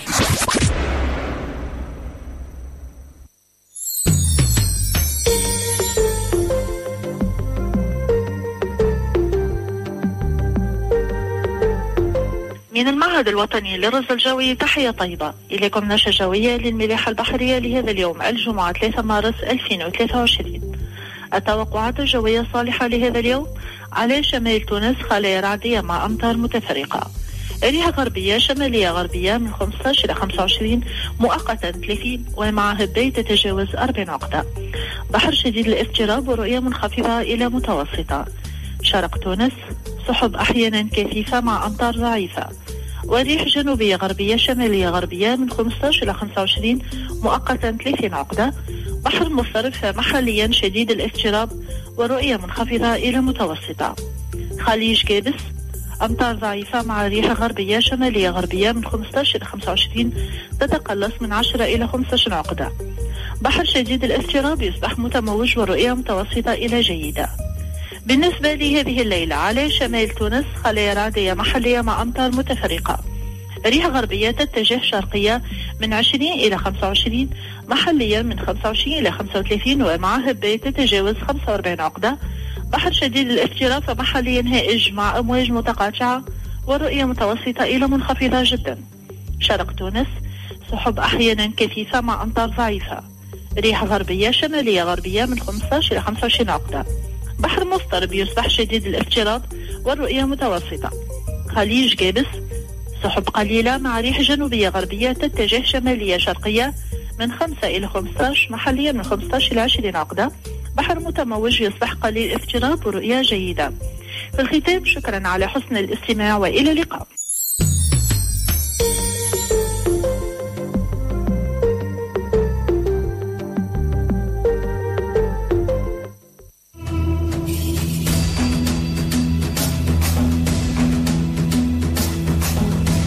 زاد الطريق.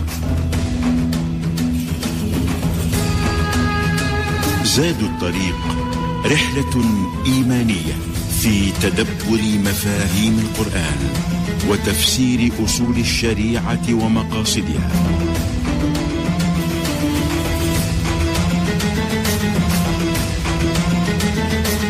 زاد الطريق مع نسعد العياري والدكتور محمد الشتيمي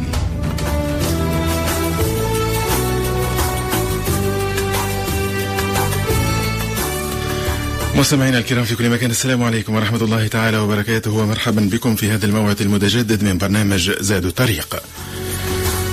رب اشرح لي صدري ويسر لي أمري واحلل عقدة من لساني يفقه قولي. رب اغفر وارحم واعف وتكرم وتجاوز عما تعلم إنك تعلم ما لا نعلم إنك أنت الله الأعز الأكرم.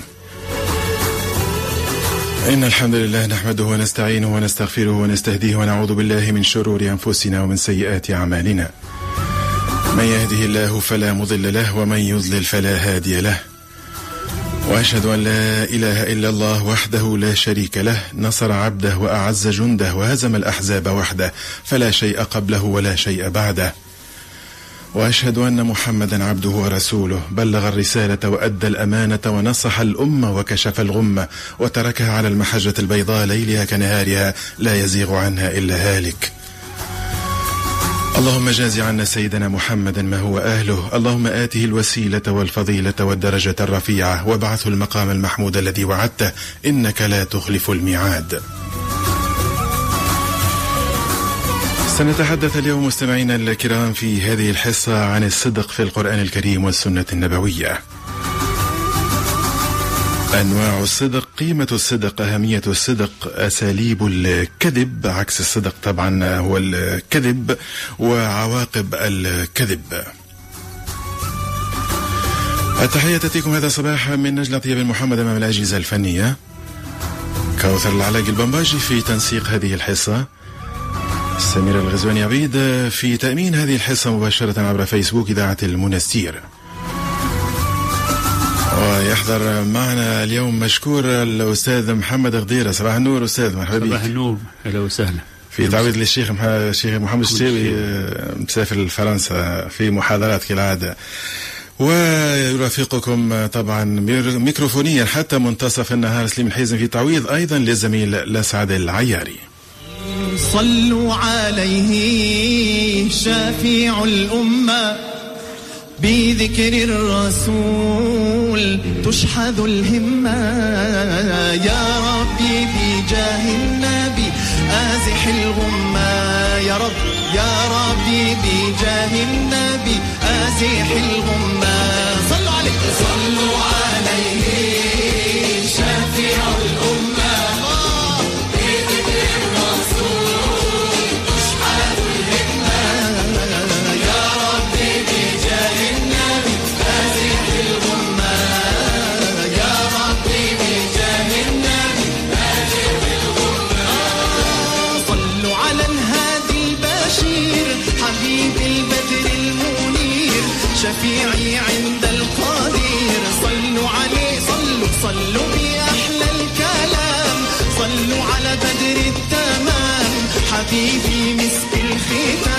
صلوا عليه صلوا عليه.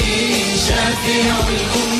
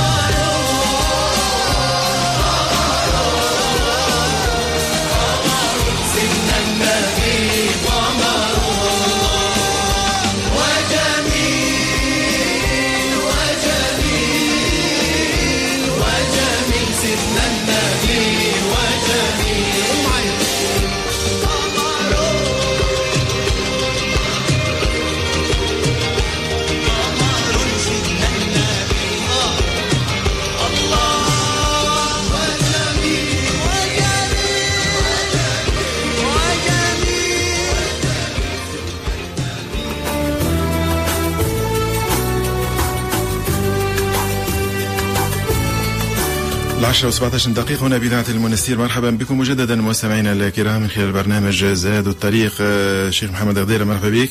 أهلا وسهلا. يا حبيبي إذا موضوعنا اليوم آه، الصدق. الصدق وما أدراك ما الصدق وهي من أهم الخصال التي يج- يجب أن يتحلى بها ال- المسلم. وهي من أجل الصفات. طبيعة الحال يعني النبي عليه الصلاة والسلام معروف. عند العامة من قبل حتى البعثة متاعه معروف بالصادق الأمين. وقد أورد النبي عليه الصلاة والسلام العديد من الأحاديث التي تحث على هذه الخصلة والتحلي بها فقد ورد عن ابن مسعود رضي الله عنه عن النبي صلى الله عليه وسلم قال إن الصدق يهدي إلى البر وإن البر يهدي إلى الجنة وإن الرجل لا يصدق حتى يكتب عند الله صديقا وإن الكذب يهدي إلى الفجور وإن الفجور يهدي إلى النار وإن الرجل لا يكذب حتى يكتب عند الله كذابا. الحديث هذا رواه الإمام مسلم. وهو من الأحاديث المشهورة برشا في هذا الإطار. وتشوف أنه كيفاش أنه البر وكل فعل صالح كل فعل طيب كل فعل منها يرضي الله سبحانه وتعالى يوصل إلى الجنة. والنقيض متاع أو العكس ال- الصدق قول الكذب. يهدي إلى الفجور والفجور هذا يهدي إلى النار. كان ننطلق في تعريف الصدق. هو, إخبار الناس بما يعتقد أنه حق. هو هو في وقت اللي ناخذ الصدق حسب تعريفه عند فقهاء الدين الإسلامي هو قول الحق ومطابقة الكلام للواقع. أن الكلام اللي تقوله مطابق للواقع الذي نحن عليه. وقد أمر الله سبحانه وتعالى بالصدق فقال يا أيها الذين آمنوا اتقوا الله وكونوا مع الصادقين. الصادقين. هذه في سورة التوبة. الصدق عموما هو ضد الكذب. وهو فعل صدق يصدق صدقا وصدقا وتصداقا وصدقه قبل قوله. أنا عندي قبلت قوله وصدقه الحديث أي أنبأه بالصدق. ويقال صدقت القوم أي قلت لهم صدقا وتصادق في الحديث وفي المود الصدق آه، هو منجات هو باش ينجيك. هو أول دروب الخير. وصف به الله سبحانه وتعالى المؤمنين والأنبياء والصالحين. وقد امتدح الله سبحانه وتعالى الصدق وذكره في أوصاف أهل الجنة. أنا تصور أنت الخصلة هذه والتحلي بها راهي درجة من درجات الجنة وهي من أوصاف أهل الجنة. وقد جاءت العديد من الأحاديث في هذا الإطار تحث على هذه الخصلة والتحلي بها. على أساس أنه فيها مجلبة للخير الكثير. وأخبر صلى الله عليه وسلم أنه طريق للبر. ومعروف كما ذكرنا في بداية الحصة أن النبي صلى الله عليه وسلم عرف بأنه الصادق الأمين, الأمين. وبالتالي أنه التحلي بالصدق هو التزام بأخلاق نبي الأمة صلى الله عليه وسلم. أنت وأنت تقول لي ولكم في رسول الله أسوة حسنة. باهي القدوة متاعك الرسول عليه الصلاة والسلام. هي هذه خصلة متأصلة فيه اللي هي الصدق. يندرى امتثلنا لها طبقناها عملنا بها تحلينا بها ولا ما تحليناش؟ وبالتالي إذا كانت تقول لي أنت والله أني نحب الرسول ونحب نتبعه ونحب ربي سبحانه وتعالى. إيه يعطيني باش باش تثبت لي اللي أنت تحب. تعصي الإله وتدعي حبه. لعمرك إن المحب لمن يحب مطيعه. معناها تحب الرسول صلى الله عليه وسلم أنت عربن لي على الحب نتاعك وبرهن لي إنك تحب الرسول عليه الصلاة والسلام إنك تتحلى باخلاقه وإحنا اليوم قاعدين نتحدث على خصلة من خصاله وصفة من صفاته اللي هي الصدق. كيفاش معناها باش نطبقوها على أرض الواقع؟ حديث آخر زاد عن عبادة بن الصامت رضي الله عنه أن النبي صلى الله عليه وسلم قال اضمنوا لي ستا من أنفسكم أضمن لكم الجنة. أصدقوا إذا حدثتم وأوفوا إذا وعدتم وأدوا إذا أتمنتم واحفظوا فروجكم غضوا أبصاركم وكفوا أيديكم. شوف من الرسول عليه الصلاة والسلام معنى أنت طلب منك حاجات معينة. من أول حاجات هذول الستة اللي قال لك عليهم قال لك أصدقوا إذا حدثتم. وهذه ظاهرة من الظواهر اللي مع الأسف. الصدق هذايا ولا عملة نادرة في وقتنا الحالي. الناس ولات الصدق آخر حاجة تخمم فيه.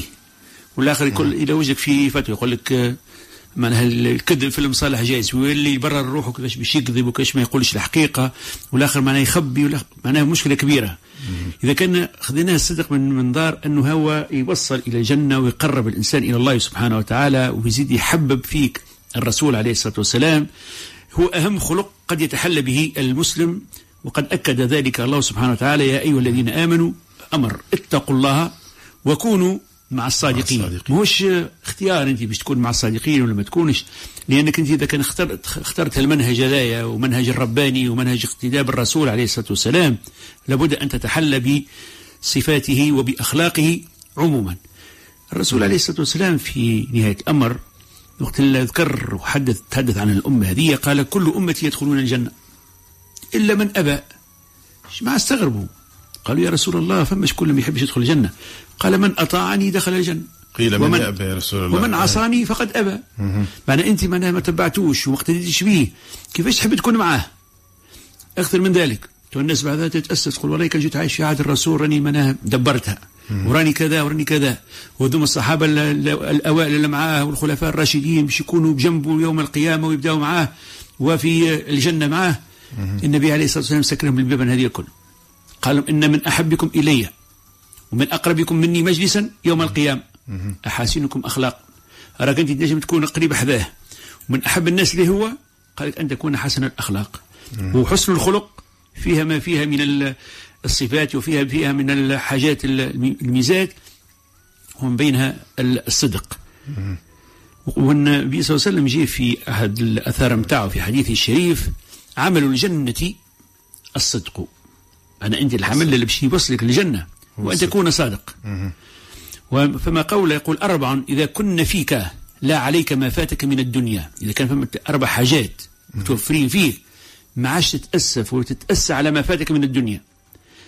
شنو هما حفظ أمانة وصدق حديث وحسن خلق وعفة في طعمة في الأكل متاعك تكون عفيف ما فيش محرمات ما فيش الحاجات اللي تغضب ربي ما فماش سحت ما فماش حاجة إلا تغضب ربي سبحانه وتعالى.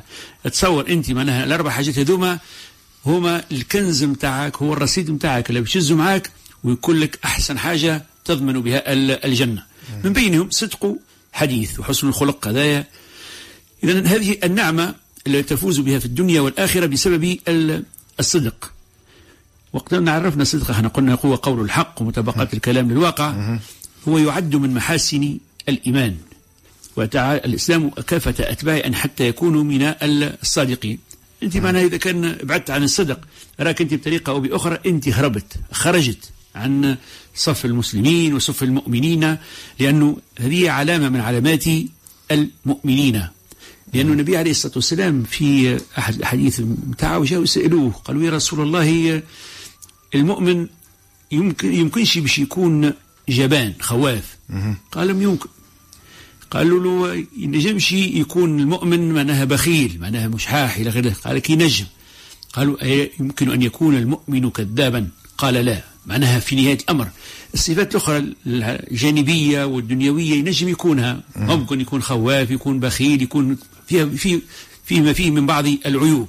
لكن الحاجة الوحيدة اللي ما ينجمش تكون معناها لصيقة لدرجة الإيمان هي الكذب وبالتالي أن الصدق هو عرصة من عرس هذا الدين ولا بد من اتباعه في هذا الأمر. ما يمشيوش فرس نية ما يمشيوش فرس نية ما يتلقاوش. الإيمان خطان. متوازيان لا يلتقيان معنا. معناتها لا تلقاه يكذب مش مؤمن ولا إيمانه ضعيف. تنزعت منه تنزع منه الإيمان راهو.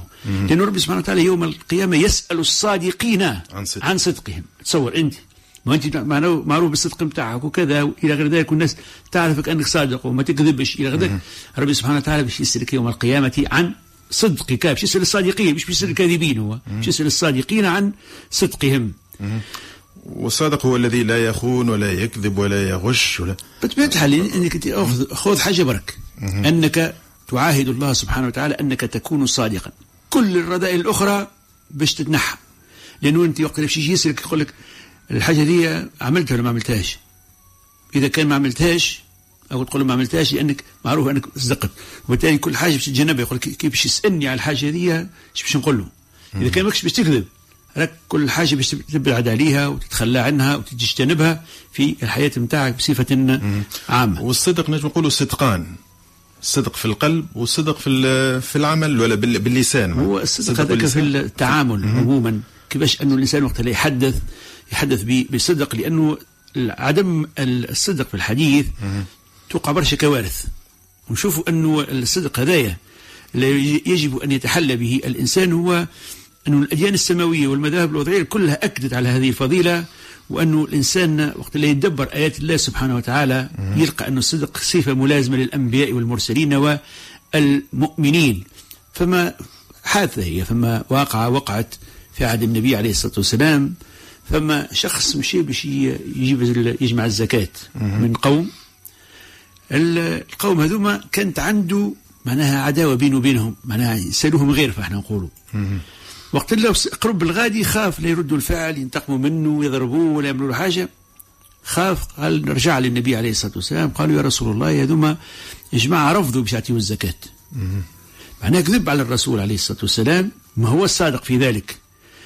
وقتها هم قاعدين يستناو. استناو كي ما جاوش ما جاش هو. مشاو للرسول صلى الله عليه وسلم قالوا له يا رسول الله راهو استنينا باش يجي. معناها تكشف تكشف الكذبه نتاعو كادت معناها توقع كارثة كبيرة. أن المسلمين هذوك وقت قاموا باش يمشيوا يحاربوا هؤلاء الذين منعوا الزكاة. وقت ربي سبحانه وتعالى أنزل قوله يا أيها الذين آمنوا إن جاءكم فاسق بنبأ فتبينوا أن تصيبوا قوما بجهالة فتصبحوا على ما فعلتم نادمين. معناها تصور السيشي أوقع كارثة بكذبة من الكذبات نتاعه وتجنب فيها الصدق. أنا أشوف أنه الخطورة نتاعه في حياتنا عنده خطورة كبيرة. تصور أنت تمشي تكذب كذبة تشيع منها حاجة كذبة بين الناس تفتن بيناتهم تخلق بيناتهم مشاكل توقع خصومات وتوقع قطيعة ما عادش نجم تصلحها. صحيح. به الكذب برشا أنواع هو معناتها الصدق عفوا كما الكذب برشا أنواع هو الصدق زاد أنواع صدق كثيرة فما في البيع والشراء مثال. طيب هذيك هذيك من الحاجات أنه البيع والشراء لأنه تو متوفر برشا والناس تتعامل بهذه من المعاملات اليومية بين الناس. وبالتالي النبي صلى الله عليه وسلم حذر من ال- الكذب أثناء البيع. يعني إذا كان أنت مزقتش في الواحد بتاعك أنت مثلا باش تبيع كرهب على خاطر ولا تأكل في الزيت ولا فيها عيب من العيوب. وأنت تمشي تخرج باش تبيعها والشخص اللي باش يجي يشريها تبدأ تزين له باش تخلي ما تخل... توريش العيب هذاك. راهو حرام. ولا تحلف له ولا ولا عليها هذيك مشكلة كبيرة إذا كان يحلف على ال- ويصر على. على الكذب بالحلفان. معناه يك- يكون الإثم إثماني في هذا الإطار. لابد لابد أنه تبين له تقول له راهو فيها كذا وكذا. هو يعرف روحه علاش قال يقول لك اني نجم نصلح نجم نعمل عندي معناها وسائل خاصة نبدل. المهم أنك تكون صادق معاه ولا تكذبه وأن تصدقه. الحديث لكي يبارك الله سبحانه وتعالى هذه ال- العملية عملية البيع والشراء. لأنه الحلفان هدايا هو منفقة للسلع. معناها السلعه تمشي لكنها بحرامها معناها حشيشه وريشه وتمشي معناها تولي حرام زقوم. معناها تولي سحت تبيعها اي يسعد لأنك. أنت هذايا تو بعد شنو؟ كيفاش باش تتقبل الأمر هذايا تأخذ الفلوس هذيك وأنت متأكد أنك غشيته. والنبي صلى الله عليه وسلم يقول من غش فليس منه. من غش فليس منه. أنا برشا ناس الحديث هذايا برشا ناس ينسبوا يقول من غشنا كأنه معناه ال- الأمر حكر على المسلمين برك. النبي صلى الله عليه وسلم قال من غش من غش ما قالش من غشنا قال من غش فليس منا. صفة العموم. معناه حتى الإنسان الغير مسلم. لا يجوز لك أن تغشه. معناها مش تقول هذا تبرر نعطيها شكون هو معناها؟ هني ما كان النوع كافر معناها. آه. النبي صلى الله عليه وسلم ذكر الغش هو في العموم لأنه هو رسولنا عليه الصلاة والسلام يقول ربي وما أرسلناك إلا رحمة للعالمين وما أرسلناك إلا كافة للناس بشيرا ونذيرا. راهو مرسول للناس الكل مش حكر على العرب برك ولا على فئة دون أخرى. راهو الدين بتاعه عالمي والناس كل تدين بهذا الدين. وأكبر مجتمع أو تجمع إسلامي سنوي هو في موسم الحج. تشوف ال- الجنسيات المختلفة لا يتكلموا بالعربي ولا يتكلموا بغير اللغة العربية الأعاجم وغيرهم كلهم يتلموا في نفس المكان ويؤدون نفس ال- المنسك ونفس الركن من أركان الإسلام الأعظم اللي هو الحج. وبالتالي الدين بتاعنا لابد أن نقدم له صورة صادقة ليه صورة نيرة صورة طيبة تجسد خلق الرسول عليه الصلاة والسلام في سلوكنا في تعاملنا في هذا الإطار وأنت تحب ربي سبحانه وتعالى يحب ربي يبارك لك في البيعة بتاعك. إذا كان ما- بينتش وما صدقتوش هذا كله راهو ما يكونش من باب ال- الحل ما يكونش من باب توضيح الأمور والتحلي بأخلاق الرسول عليه الصلاة والسلام. كيفاش يروح لاولاده هو بك الفلوس الحرام هذيك بالكذب والغش يوكل فلوس أولاده لحرام. هو ال- المشكلة منها كل لحم نبت من حرام فالنار أولى به. أنا أتصور أنت معناها يجيك نوم أنت تو كيف تبيع حاجة وأنت غاشش فيها ما صدقتش في تعاملك. ما نتصورش إذا كان عندك معناها قلب حيك النفس اللوامة تبدأ تلوم فيك يودي راعب عليك يودي كيفاش عملت الحاجة دي الناس معناها ما ترقدش ما يجيش نوم هو كعينيك فيك كان حصلت معناها هي المسألة ما مش صحيح هو هكا يشوف بعينيه لكن فما حاجات مخفية ينجم يعرفهاش فما حاجات ما ينجمش يعرفها. يعرفها. كان صاحب ال- الحاجة. إيه. ممكن صلحتها ولكن التصليح بتاعها ما كانش باهي. جربتها وعملتها مش كتروح شنو اللي خلاك تبيعها أنت مثلا؟ ممكن. ممكن ممكن جاتك كهرباء جديدة باش تشتريها لكن أغلب الناس اللي يلقى عنده بعض العيوب ولا تاكل في المصروف يقول لك إيه. هي برا نمشي نخرجها نمشي. معناها ن- نبيعها ونتخلص منها. يا ولدي ما قلناش ما تبيعش. لكن بيع قول له راهو فيها وفيها هو يعرف روحه علاش قادم. يشري ولا. وبالتالي هذايا علامة من علامات إيمانك وصدقك مع الناس. الفلوس خذيتهم وربي يبارك له فيك الحاجة اللي أخذها بالرغم إنه يعرفها إيش فيها هو مباشرة من دون باش يأخذها. مش يقول هكا باش تطيح لي تريف على خاطرك هي فيها العيب هذا والعيب هذا راني باش نصرف عليها باش. نصلح. وبالتالي إني قبلتها بما فيها هما بينوا ربي يبارك لهم في البيع نتاعهم إذا كان خبا وكل واحد معناها طريقة بأخرى راهو كل شيء يمشي وتمحق بركة هذا البيع. يا لطيف. به نسمع نغم شيخ ثم نرجع. اللهم صل على سيدنا محمد في الأولين وصل على سيدنا محمد في الآخرين. وصل على سيدنا محمد في كل وقت وحين. وصل على سيدنا محمد في الملأ الأعلى إلى يوم الدين. اللهم إني أسألك يا رحمن يا رحيم. يا الله يا علي يا عظيم. يا قديم يا كريم يا حليم يا حكيم يا مقيم. سبحانك لا إله إلا أنت. اللهم خلصنا من النار يا رب العالمين. يا سيد السادات يا مجيب الدعوات.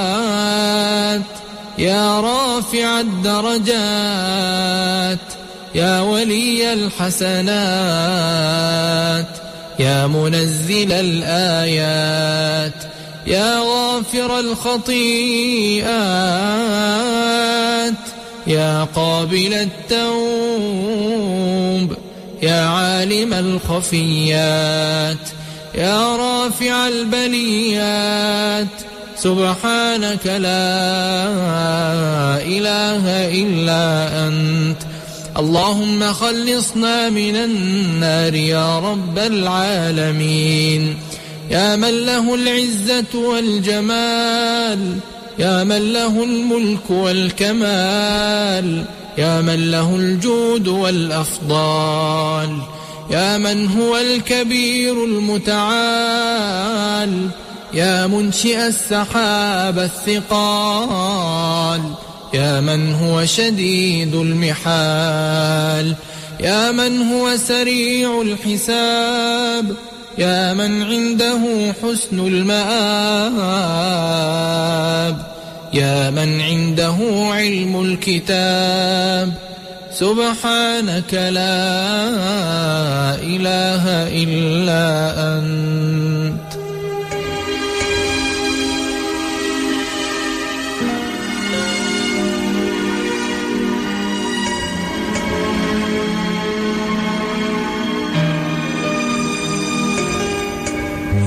ارحمني يا ستار.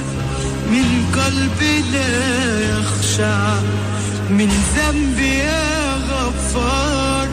ودعائي لا يسمع. ارحمني يا ستار. من قلبي لا يخشع من ذنبي يا غفار. ودعائي لا يسمع. من ظلم أصحابي وأهلي وأحبابي من فتنة الدنيا من نفسي لا تشبع. ارحمني يا ستار من قلبي لا يخشع. من ذنبي يا غفار ودعائي لا يسمع. من ظلم أصحابي وأهلي وأحبابي من فتنة الدنيا من نفسي لا تشبع.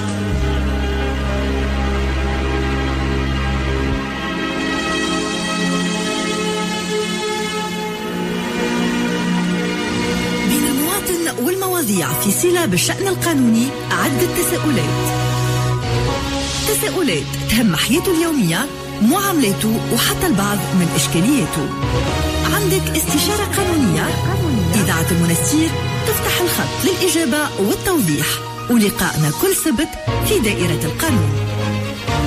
في دائرة القانون السبت انطلاقا من العشرة متاع الصباح.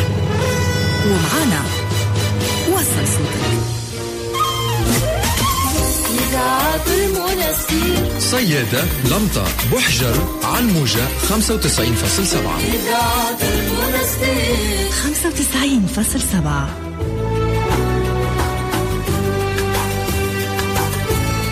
العشرة وثمانية وثلاثين دقيقة. هنا بإذاعة المنستير مرحبا بكم مجددا مستمعينا الكرام من خلال برنامج زاد الطريق. حديثنا اليوم عن الصدق وعن الكذب أيضا. إذا نذكر برقمنا المجمع 73 460 800 لكل من يريد الاتصال بنا وطرح مختلف استشاراتهم الدينية أو الفقهية. نواصل إذا شيخ محمد غديرة. نواصل في خص الصدق من ربي سبحانه وتعالى. تحدث عن مدخل الصدق ومخرج الصدق. في قوله تعالى وقل ربي أدخلني مدخل صدق وأخرجني مخرج صدق. وقت أنت تخرج لمساعدة المحتاج وتوقف إلى جنبه هو مخرج الصدق. والخروج للمعصية هو مخرج الكذب. معناها أنت إذا كان أنت مشيت للمعصية معناها اجتنبت بعدت عن الصدق. والصدق هي من الفضائل التي يحبها الله. تصور أنت مثلا فضيلة الصدق ربي يحبها. وإذا حب الرب سبحانه وتعالى فضيلة الصدق معناها المتصف بها يحبه الله سبحانه وتعالى. وتعرف أنه يا ربي إذا أحب عبدا حرم جسده على النار. أنا ربي وقت اللي يحب عبد معناها يحرم جسده على النار. هنا تبين أهمية الصدق هذايا كيفاش وين يوصل. أنك من ناحية باش تدخل من أهل الجنة ثم أن ربي سبحانه وتعالى يحرم الجسد نتاعك على النار بطريقة أنت تنجم توصل لها أنت تنجم تتحلى بها أنت تنجم تفرضها في حياتك وتمارسها. ما تقوليش مثلا والله المجتمع متاعنا معناها صعيب ياسر كان باش نجم نتعامل معاه ولا باش ننجح معاه إذا كان نكون في كل شيء صادق. لا سيدي إحنا حتى في الأمثال نتاعنا نقول لك إذا كان الكذب ينجي راهو الصدق أنجى وأنجى. وبالتالي أنه الخصله هذه راهي ما هيش باش تخسرك حد شيء راك أنت رابح ماكش خاسر. لأنه الأمور في منتشرة في المجتمع نتاعنا والأمور السيئة اللي بدأت توجد مع الأسف بشكل كبير في معاملات في في الحياة اللي نعيشوا فيها. ولا تخليك أو تكاد تقول أنه اللي يتصف بالصدق كأنه هو حالة شاذه أنا نشوف قلبة الموازين وكأنه صاحب الإنسان الصادق كأنه به عيب يقول لك هذا؟ كاينة نية وكاينه كذا. لا. راك انت راهو التخمام نتاعك أنك عند الله سبحانه وتعالى تفكر في الآخرة والآخرة خير وأبقى. وبالتالي أنه الإيمان نتاعك ما نيجمش يكتمل إلا بوجود الصدق لأنه لا يكذب في حديثه لأن الكذب من خصال المنافقين. راك تشوف أنت معناها بين كفتين معناها أما تكون صادق ولا تكون كاذب وإذا كان كنت كاذبا كنت في زمرة المنافقين.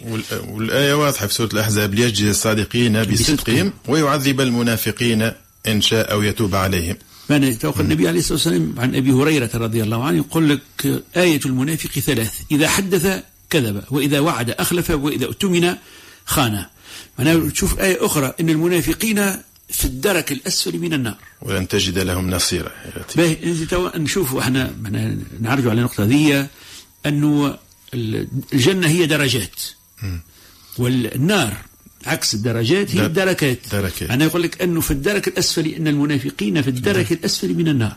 معنا نشوف في قعر النار, النار. على أساس أنه هذه من الخصال أفسدت الأمة أفسدت معناها العلاقة بين الناس بطريقة أو بأخرى. والصدق ورد تقريبا في القرآن 130 مرة. تقريبا هيك في أو تزيد آيات عن الصدق. وفما آية أخرى في سورة الأحزاب الايه 35 إن المسلمين والمسلمات والمؤمنين والمؤمنات والقانتين والقانتات والصادقين والصادقات والصابرين والصابرات والخاشعين والخاشعات والمتصدقين والمتصدقات والصائمين والصائمات والحافظين فروجهم والحافظات والذاكرين الله كثيرا والذاكرات أعد الله لهم مغفرة واجرا عظيما. طيب هذوما هذه صدق الله العظيم. صفات. نلقاو أنه الصدق هو أسرع طريق إلى الجنة ورضا الله.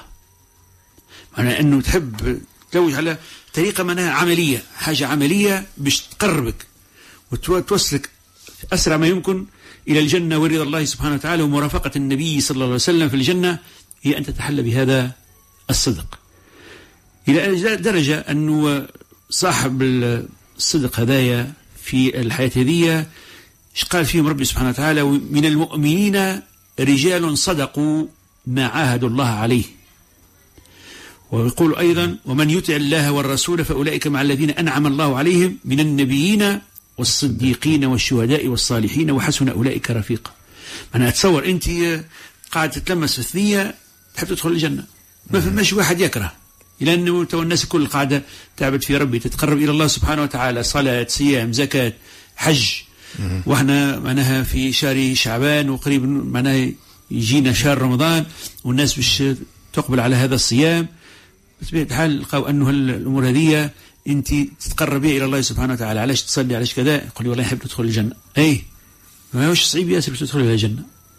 كل ما في الأمر أنه فما حاجات لازمك تلتزم بها. أسرع طريقة باش تدخل بها للجنة وتنال رضا الله سبحانه وتعالى وترافق النبي صلى الله عليه وسلم فالجنه هي أن تكون صادقا.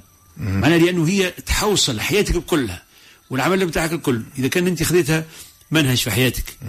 تقول لي إني كان باش يقعد ديما صادق مع الناس ويلزمهم معناها بطريقة أو بأخرى آه، ما تعطيهمش كل شيء. لا لا ما هوش هذاك الحل. أنت تكون بينك وبين ربي سبحانه وتعالى صادق لأنه الصدق نتاعك راهو ينجيك ويوصلك إلى أعلى درجات عند الله سبحانه في الجنة وتعالى. وتحدث في سورة المائدة. ربي قال في سورة الآية 119 سورة المائدة.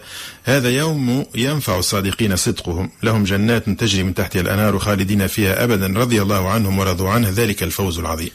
بطبيعة الحال لأنه أنت باش يجري الثمرة نتاع تضحية نتاع مسيرتك الحياتية كلها. راهو لأنه الصدق هذا راهو يتطلب منك تضحية ماهوش حاجة سهلة. لأنك أنت عهدت ربي سبحانه وتعالى والعهد هذا نتاعك مع الله سبحانه وتعالى مش باش يجي في لحظة من اللحظات تفزد اللي بنيته الكل. وبالتالي أنت تستنى في الجزاء. لو إحنا كل واحد مثلا يقول لك والله ماذا بيا؟ يوم القيامة نشرب من يدي النبي صلى الله عليه وسلم شربة ماء. لا أظمأ بعدها أبدا ما عادش نعطش. اي هذه هذا متوفر لك متوفر لكل الناس متاح لكل واحد. لكن أنت إذا كان لم تظفر بهذه الشربة الشربة الهنية هذه ما أنت ما حبيتش. لأنك أنت اعطاك هاو قال لك هيك هذه الثنية هذه وين توصل؟ وهذه وين توصل؟ وأنت اخترت الثنية الأخرى. قلت لي ما نجمش نعيش في مجتمع متصف بالكذب بالنفاق بكذا. يا ولدي إيش عندك فيه؟ ما تجريش أنت. أنت خمم في روحك خمم في أنك تكون أسمى منهم خمم كيفاش أنك باش تضمن أنا الجنة نتاعك تضمن المقام المحمود في في عليين هذا كل راهو يتطلب منك شوية جهد. شوية شوية تضحية؟ هذا هو. المطلوب. مش بالضرورة هم يكذبوا وأنت باش تكذب معهم. تكون صادق. لازمك تكبر على هذه الحالة. وصف ربي الأنبياء نتاعه تقريبا الكل بالصدق. فقال واذكر في الكتاب إبراهيم إنه كان صديقا نبيا. فلما اعتزلهم وما يعبدون من دون الله وهبنا له إسحاق ويعقوب وكلا جعلنا نبيا ووهبنا لهم من رحمتنا وجعلنا لهم لسان صدق عليا. في سورة مريم. كذلك آية أخرى واذكر في الكتاب إسماعيل إنه كان صادق الوعد وكان رسولا نبيا. كذلك في سورة مريم واذكر في الكتاب إدريس إنه كان صديقا نبيا. ولما رأى المؤمنون الأحزاب قالوا هذا ما وعدنا الله ورسوله وصدق الله ورسوله وما زادهم إلا إيمانا وتسليما. هذه في سورة الأحزاب. آيات عديدة تحكي على الصدق. ووعد الله حقا. ومن أصدق من الله قيل في سورة النساء ذلك جزيناهم ببغيهم وإنا لصادقون. برشا آيات تحكي عن الصدق. هو كان قلنا الآيات هذه بتاع الصدق راهي القرآن مليء بها. وردت في العديد من المواقف ومثلا وقت يقول ربي سبحانه وتعالى إنما يفتري الكذب الذين لا يؤمنون بآيات الله وأولئك هم الكاذبون في سورة النحل. معنى أنت تفتري كذب. خرج خرجت من دائرة الإيمان بآية الله وأكدها ربي سبحانه وأولئك هم الكاذبون. أنا أتصور أنت أنا الصفة هذه وأصبح منعوتا بها وأصبحت موجودة في تجري في دمه معناها مجرى الدم معناها آية أخرى وتمت كلمة ربك صدقا وعدلا. القرآن الكريم بين دفتي أمر وخبر. الأمر والعدل والخبر هو الصدق. تمت كلمة ربك القرآن صدقا وعدلا. من نقول نشوف إنه مثلا في القرآن أغلب الآيات الأمر لم يقتصر على طلب الصدق من المسلم فحسب. ربي ما ما طلبش منك ما ما يقتصرش الأمر على أنه طلب منك الصدق فحسب. بل أن الله سبحانه وتعالى أمر في كتابه العزيز أن يكون المسلم دائما مع الصادقين. فقال سبحانه يا أيها الذين آمنوا اتقوا الله وكونوا مع الصادقين. معناها أنت إذا كان أنت تحب روحك في هالفئة هذه لابد أن تصدق ولابد أن تكون صادقا في كل كلامك وفي كل تصرفك وكل ما تبلغ عنه. الكذب كذلك وردت أكثر من الصدق تقريبا 282 مرة. الخطورة متاعها لأن هي إثم مبين. الانعكاسات نتاعها على الحياة العامة بصفة عامة بصفة خاصة. في سورة النساء مثال. انظر كيف يفترون على الله الكذب وكفى به إثما مبينا. في سورة المنافقون والله يشهد إنهم لكاذبون. إن الله لا يهدي من هو كاذب كفار. إن الذين يفترون على الله الكذب لا يفلحون. والكذب لا يجتمع مع الإيمان. إنما, إنما يفتري الكذب الذين لا يؤمنون بآيات الله. وأولئك هم الكاذبون. أنا أشوف أنه الصدق هو مش قولك الحق فحسب إنما أن تكون مصدقا بالله وكلامه. وقد أمر الله سبحانه وتعالى بذلك النوع من الصدق فقال قل صدق الله فاتبعوا ملة إبراهيم حنيفا وما كان من المشركين. معناه أنه التحلي بهالخصلة هذه راه الفوائد متاعها على حياتك كلها راهو ما عندهاش حدود ما تنجمش تعرف ومن يتق الله يجعل له مخرجا ويرزقه من حيث لا يحتسب. تقوى الله معناها الصدق هو من تقوى الله. لانك انت صادق مع ربي سبحانه وتعالى. تعرف أن الله سبحانه وتعالى معناها ما سيبش الأمور هكا وإنما كل كلمة باش تقولها راهو استحضر أنت فما إيه الناس كل حافظينها. ما فماش واحد مش حافظها يقول لك عندي ملك على اليمين وملك على اليسار. وما يلفظ من قول إلا لديه رقيب عتيد. الناس كل تعرف. هو هذا على اليمين يسجل في الحسنات ولا على اليسار يسجل في السيئات. هي هذيك أنت عرفت هذا. هي أنت تصور كيف باش تكذب أنت؟ الملك هذا باش يعديها لك. باش يغض الطرف عليك أنت. يا ودي ربي قال فمن يعمل مثقال ذرة خيرا يره ومن يعمل مثقال ذرة شرا يره. معناها مش في ذلك حد شيء لا صغير ولا كبير. وبالتالي أنت في المناسبة هذه إيمانك بالله سبحانه وتعالى يتطلب منك ويفرض عليك أن تكون ممتثلا لأوامر الله. لأنك أنت تصور روحك أنت معناها كذبت. إيه ومن بعد كيفاش باش كيفاش باش تروح وكيفاش باش تعمل وكيفاش باش تقول؟ ماذا ستقول لربك غدا؟ سيدنا عمر بن الخطاب رضي الله عنه كان عنده شعار مقلق مش مقلق برشا معناها حتى قدامه نصب عينيه. ماذا ستقول لربك غدا يا عمر؟ إيش باش تقول له؟ باش تقول له راني كذبت راني عملت راني كذا إيش باش تقول له؟ انت إحنا نفس الشيء حط في بالك إنه كل حاجة باش تسجل لك وربي سبحانه وتعالى يوم القيامة راهو فما قانون آخر في التعامل. بايت كذبت وعملت وعملت. يوم القيامة يقول ربي اليوم نختم على أفواههم وتكلمنا أيديهم وتشهد أرجلهم بما كانوا يكسبون. يكسبون. معناها تصور أنت نهار آخر يدك هذه إلا عملت بها ولا رجلك اللي مشيت بها واللسان نتاعك اللي كذبت به. إيش باش يكون موقفه؟ وقت باش يجي يضحك أمام الخلائق وقت باش يجي يضحك قدام الناس كله يقول لك راك عملت راك تلفظت راك كذبت راك راك زورت هذوما كلهم باش باش يشريهم وقتها. ولا معناها تقول لك أعطينا اليوم وقت وقت إني غدوة ما عادش يهمه. أنا نشوف النبي صلى الله عليه وسلم يقول لك إذا لم تستحي فافعل ما شئت. بالتالي الارتفاع معناها برقع الحياة من الله سبحانه وتعالى والخوف من الله. ماكش قاري حساب يوم غدوة. نجم تعمل اللي تحب أنت. باش تكون كذاب باش تاكل اموال الناس بالباطل الكل يولي عنده حاجة عادية. وإحنا نقول الشيء من مأتاه لا يستغرب لأنه هو الحاجة اللي باش ترجع والحاجة اللي باش توقفه عند حده ماهيش موجودة عنده. ومن أنواع الصدق زاد الصدق مع النفس يكون صادق مع نفسه الواحد. ويولي يشعر بالطمأنينة وراحة البال وراحة الضمير واستقرار النفسي هذه حاجة مثلا ألا بذكر الله تطمئن القلوب؟ أنا مثلا الحياة هذه برشا ناس يقول لك والله هايم على وجه الأرض. الناس كل ضربهم stress وضربهم القلق الوجودي علاش يضرب فيك القلق الوجودي وال stress هذا علاش؟ يعني يكون أنت معناها متزن مع نفسك وكنت متزن مع الله سبحانه وتعالى. وخذ شعار أنك تأخذ الدنيا ببساطة وأنه معناها ما أصابك لم يكن ليخطئك وان ما أخطأك لم يكن ليصيبك. رفعت أقلام وجفت الصحف. تخليك تعيش مرتاح برشا لأنه الراحة هذه النفسية تلقاها وقت اللي تكون أنت تعاملك مع جميع الناس. بما يرضي الله سبحانه وتعالى. مانيش باش نمثل عليك مش باش نكذب عليك مش باش نمسكي عليك يعني عايش معاك كما فما إلا على لساني على برا. وبالتالي مانيش باش نتبلى عليك. لأنه ربي سبحانه وتعالى يقول والله الله غالب اضطريت تلزيت باش نكذب. يا ودي راه ما فماش تلزيت. يا ودي ساعات الأمور هذه قد ما تحقر منها وقد ما تبدأ تستسهل فيها راهي تولي تجري في عروقك مجرى الدم. إذا كان أنت تعرفت بالكذبت المريره راك باش تكذب مرة ثانية وثالثة ورابعة إلى غير ذلك. والصدق فما عنده آه، مواقع محدودة باش تكذب فيهم. كيما تكذب باش تتصلح بين آه، مرأة وراجلها ولا بين زوز متعاركين متخاصمين هو الصدق في, في وقت الحرب الكذب في وقت الحرب. أي معناها يقول لك هذوما زوز حالات أه. يجوز فيهم الكذب. معناها في الحرب الحرب وخدع معناها باش معناها تموه على العدو باش ما تعطيش الحقائق هذا يفرح. ولا مثلا يقول لك يجوز في أن يتدخل لكي يصلح بين الزوجين وبين أو بين متخاصمين. يقول لك مثلا والله هذا يعبر على استعداده باش يطلب منك السماح وكان تراجعوا وكذا. هذاك يجوز فيه لأنه شوف النية لأنه كل عمل إنما الأعمال بالنيات. أما إحنا برشا ناس خذوها يقول لك الكذب في المصالح جايز. يولي معناها المصلحة نتاعه هو وعلى هوى نفسه. يقول لك هذاك هو المجال الذي يجوز فيه الكذب. لا. رغم هذوما زوج حاجات اللي ذكرهم النبي عليه الصلاة والسلام بالتحديد في الحرب وفي الإصلاح بين الزوج وزوجته. وبالنسبة للكذب فما إعجاز آه، في القرآن الكريم عن منطقة الكذب. يقول ربي كلا لئن لم ينتهي لنسفعا بالناصية.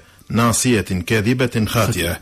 والناصية هي مقدمة الرأس. أي. أي. معناتها هكا اكتشفوها معناتها مؤخرا كيفاش منطقة الكذب هي مقدمة الرأس الناصية ذيك هذيك الناصية المقدمة تاع تاع الرأس. الإنسان إذا يتعود بالكذب يولي معناها ما عادش ينجم يتخلص منه يزم يتوب منه راهي توبة نصوحا. تقول مثلا تقول هذايا معناها الكذب يمشي على سقيه أي خاصة من الصغرى يلزمك صغيرك بطبيعة الحال يلزم تعلمه بالصدق مش تقول له كما قلنا هكا قول له بوك مش هنا هو معناتها من الصغر ساعات هو بالبراءة نتاعه هيك النكتة ولا الطرفة يقول له بابا قال لك منيش هوني. أيوه. معناها تصور هو بالبراءة نتاعه قال له برا قول له مش هنا. ومشي قال له راهو بابا قال لك مش هوني. أيوه. شفت كيفاش تعلموا صغيرك من الصغر يا ودي صغيرك على على تعلموا إيه آه. معناها العلم في الصغر كالنقش في الحجر. معناها إذا كان أنت عودته بالصدق راه وتهنى عليه راه باش يكون صادق. وأنت زاد كيف كيف؟ معناها ما توعدوش بحاجة ومنها تكذب عليه. راهو إذا كان رب البيت بالدف ضاربا فلا تلومن الصغار عن الرقص. إذا كان أنت ما تعطيش القدوة في الصدق نتاعك في التعامل يعرف منك أنك أنت ما تكذبش. وقت تقول له الحاجة دي باش نجيبها لك تجيبها له. ما إذا كان ما تنجمش تجيبها له ما تعودوش واضح. لأنه به ما زلنا مواصلين معكم مستمعينا الكرام. يعطيك الصحة الشيخ محمد غديره اذا موجز ال 11 ونغم ثم نرجع اذا رقمنا المجمع 73 460 800 مرحبا بالجميع لطرح مختلف استفساراتكم الدينية.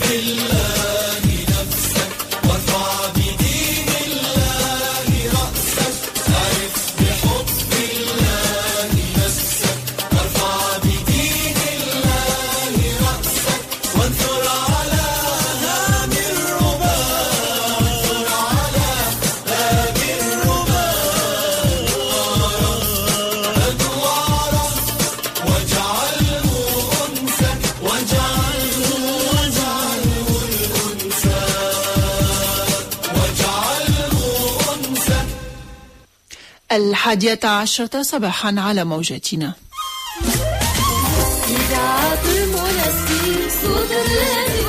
كبير ومنها نحييكم ونقدم لكم موجز الأخبار. ترجح الحسابات الفلكية أن يكون يوم الخميس الثالث والعشرين من مارس الجاري فاتحا لشهر رمضان 1444 هجرية وسيكون الأربعاء الثاني والعشرين من مارس الجاري متمما لشهر شعبان 1444 على اعتبار أن رؤية هلال رمضان ستكون غير ممكنة لا بالتلسكوب ولا بالعين المجردة من القارة الأمريكية ومستحيلة بالنسبة للقارة الإفريقية وكامل القارة الأوروبية وأستراليا والقارة الآسيوية. يوم الثلاثاء الحادي والعشرين من مارس الجاري الموافق للتاسع والعشرين من شعبان 1444 بعد أن أعلنت قيادات من حركة النهضة أمس إيقاف الصادق شورو القيادي بالحركة من قبل أعوان وحدة مكافحة الإرهاب ببوشوشة. أوضحت حركة النهضة في بلاغ إعلامي أن الخبر عار عن الصحة فيما أوضحت مصادر من الحركة أن محيط منزله شهد حضورا أمنيا دون وقوع عمليات الإيقاف. تقرر الترفيع في سعر الحليب الطازج على مستوى الإنتاج ب 200 مليم للتر الواحد ليصبح سعره 1340 مليما للتر كسعر أدنى مضمون للفلاح وذلك بداية من يوم السادس عشر من نوفمبر الماضي وفق ما أكدته وزارة الفلاحة والموارد المائية والصيد البحري. ختاما تشارك غرفة التجارة والصناعة للوطن القبلي في زيارة يومي الثاني والثالث من مارس الجاري لمدينة إشبيليا الإسبانية في إطار مشروع محاذن الابتكار ونقل التكنولوجيا في المتوسط. نهاية الموجز شكرا على المتابعة وإلى اللقاء.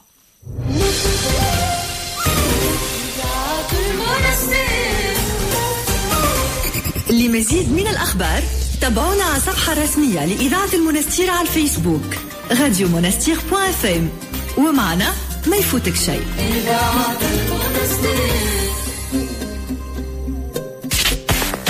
نلتقي مع كل ما هو جديد. مواعيد ثقافية فنية تربوية اجتماعية اقتصادية رياضية سياسية. وأكثر. كل ما يهم حياتكم اليومية ويخليكم في صورة ما صاير من أحداث تلقاوه في برمجة إذاعة المنستير. ومعنا تبع الموجة. تبع الموجة.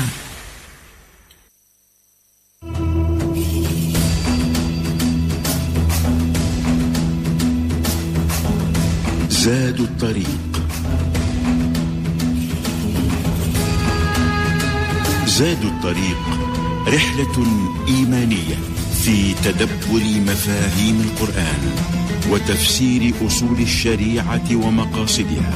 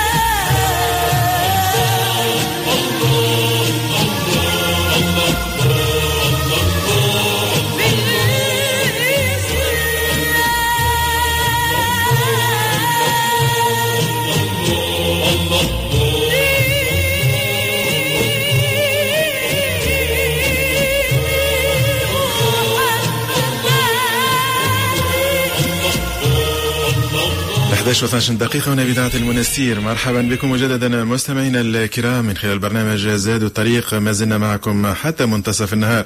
ومعنا اليوم طبعا الشيخ محمد غديرة في تعويض للشيخ محمد الشتيوي. مرحبا بك مجددا الشيخ محمد. مرحبا بك واهلا وسهلا. إذا نواصل بعض الدقائق حول الصدق اليوم حكينا. نعم. أن ربي سبحانه وتعالى أشار إلى أنه وأخبر أن الصدق هي منا. نعمة من عند ربي سبحانه وتعالى يمتن بها الله على عباده الصالحين وأنبيائه الكرام عليهم السلام. فقال ووهبنا لهم من رحمتنا وجعلنا لهم لسان صدق عليا. عليا. هذوما الأنبياء. الأنبياء والصالحين معناها كلهم يشملهم هذا لأنه هذوما كل ربي سبحانه وتعالى. ووهبنا لهم من رحمتنا وجعلنا لهم لسان صدق, صدق عليا. معناها أنت إذا كان معناها تحاول باش تتحلى بالخصلة هذه راهو هي نعمة من عند ربي سبحانه وتعالى وربي يوفقك لها ويهديك إليها وتولي خصلة من الخصال متاعك لأنك أنت فوضت أمرك إلى الله سبحانه وتعالى وأفوض أمري إلى الله إن الله بصير بالعباد. ربي يعرف يعرف أنه هذه حاجة متأصلة فيك أنت وما تنجمش تستغنى عليها. وبالتالي الخصلة هذه نحاول قدر المستطاع. صحيح تقول لي والله قد ما حاولت قد ما عملت راني ما زلت ما وصلتش. إذا كان أنت عندك عزيمة وعندك قدرة على ذلك راك تنجم. تصور أنت مثلا المنة هذه تجي لعباد الله الصالحين. وربي سبحانه وتعالى وقت تحدث على عباد الله الصالحين بين أنه الشيطان والوسوسة نتاعه ما عندوش عليهم سلطان. قالوا إلا عبادي المخلصين ليس لك عليهم من سلطان إلا من اتبعك من الغوين. راك تصور أنت توصل لدرجة هذه في صدقك مع الله سبحانه وتعالى وتقواك ووصولك إلى هذه المرتبة أن الشيطان ما عادش ينجم يأثر عليك ما عادش ينجم يزلك معناها ويخرجك عن السرة المستقيم هذه نعمة كبيرة. إن عبادي ليس لك عليهم سلطان. إلا, إلا من اتبعك الغوين فيه يعطيك صحة شيخ محمد. باش ننطلقوا في استقبال مكالمات السادة المستمعين والمستمعات. فاسألوا أهل الذكر إن كنتم لا تعلمون. المكالمة الأولى معنا ريم. ألو مرحبا بك ريم. أهلا وسهلا. سليم معك اليوم. سليم معك في تعويض للزميل الأسعد. شكري ما خدمش معنا. أها. بالله باش نحب نسأل على امي توفيت. فهمت؟ قبل بوها وامها لحظة. آه نحب نسال قال خوالي قالوا ما عندهاش حق. قالوا لي لنا إن هي ما عندهاش حق في دايرها معناها. يعني يجوز هذا ولا خاطرك هي خليت معناها أولاد خليتنا إحنا سبعة في العائلة. يا ريم عاود عاود السؤال من الأول بربي سامحنا حتى الشيخ اعطيناه الكاسك الشيخ باش يسمع السؤال. تفضل أيوه. آه أمي توفيت قبل بوها وأمها. أمك توفيت قبل بوها وأمها أي. آه. آه خوالي قالوا قالوا لنا لنا شاوروا لنا قالوا راهو ما عندهاش حق تاخذ الميراث نتاع بوها وأمها. ما عندهاش حق في الميراث.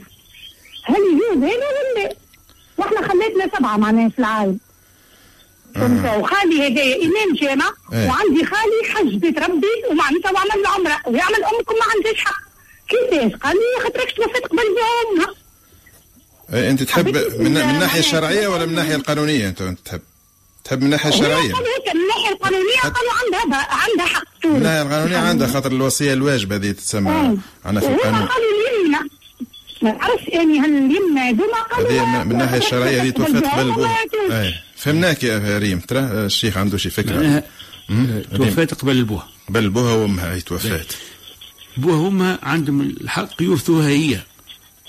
معناها عندهم السدس في بنتهم هذه اللي توفات وبالتالي الأبناء نتاعها معناها هذوما اللي تحكي عليهم يت- يدخلوا في الوصية الواجبة برك. اولادها يدخلوا في الوصية الواجبة. الو- الوصية الواجبة.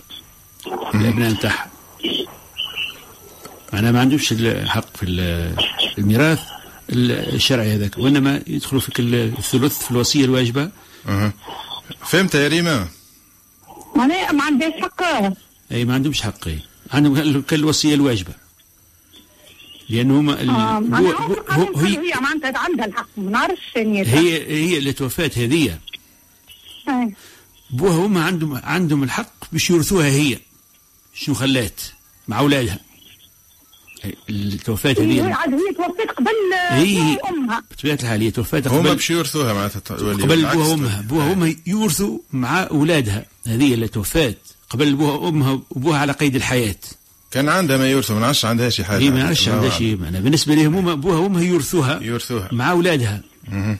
وزوج. وأولادها وبوها أمها توا توفات ثاني بوها وامها توفاو هم هما ما يدخلوا في الوصية الواجبة برك.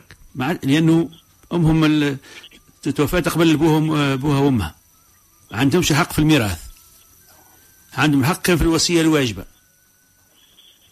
يدخلوا في جزء. مش معناها ما عادش أصحاب فروض معناها. ما عندوش حق معناها كما كأنه أمه مثلا باش تاخذ الميراث. لا.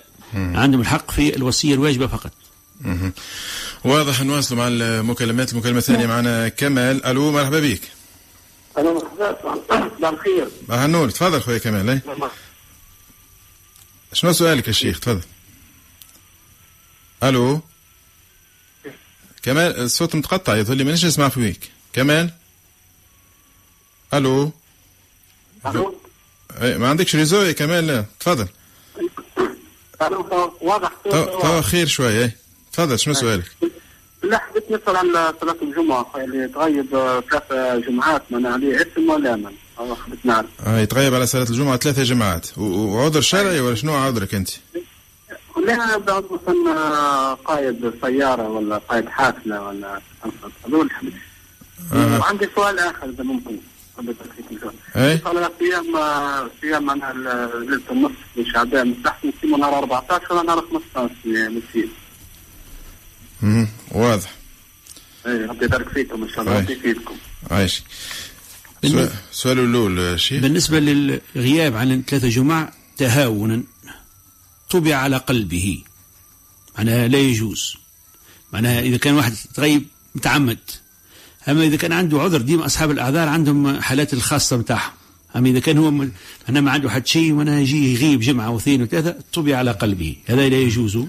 وحرام معناها شرعا. إذا نودي للصلاة من يوم الجمعة فاسعوا إلى إلى ذكر الله. وذروا البيع. أمر فاسعوا أمر إلى إيه. ذكر الله وذروا معناها البيع حتى كي يبدا يخدم في حاجات نجم مثلا جمعة تواتيه يخدم. جمعة اللي بعدها باش يستأذن مثلا فما شكون يعوضه معناها. ما يقعدش ثلاثة جماعة ورا بعضهم ما- يخدمش إيه. ما يمشيش للجمعة. إحنا هوكا الجمعة الأولى والجمعة الثانية معناتها ما يخلطش معناها- هوكا إيه، سهلة شوي. هذه ال- الأمور بتاع ال- الجمعة. بالنسبة للصيام هو ما فماش يوم مخصص للصيام دون غيره. فما النبي صلى الله عليه وسلم ثبت عنه أنه يصوم الاثنين والخميس ويصوم الثلاث أيام القمرية من كل شهر. الأيام القمرية اللي من كل شهر هما اللي تبدأ فيهم القمرة آه، ضاوية برشا هما 13 و14 و15 من كل شهر قمريا. هذوما من السنة اللي كان يصوموا من الرسول عليه الصلاة والسلام ويرغب فيهم بخلاف الأيامات الأخرى متاع الوقوف في عرفة وعش وعاشوراء وغير.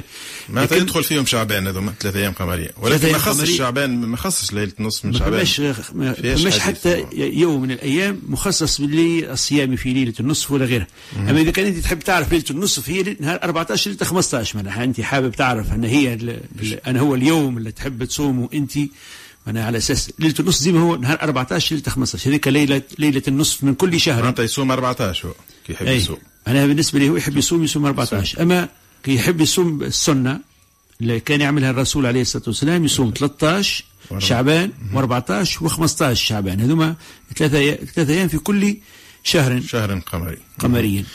واضح إنه نواصلوا ونواصلوا مع المكالمات معنا فتحية. ألو يا فتحية مرحبا بك. يا. عكيفة أهلا وسهلا. ألو. نسمع فيك تفضل.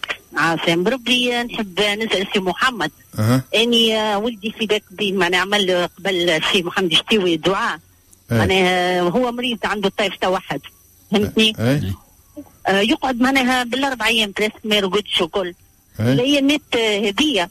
آه نصلي ديما في قيام الليل فهمت؟ آه غسلت شوية بعد قيام الليل.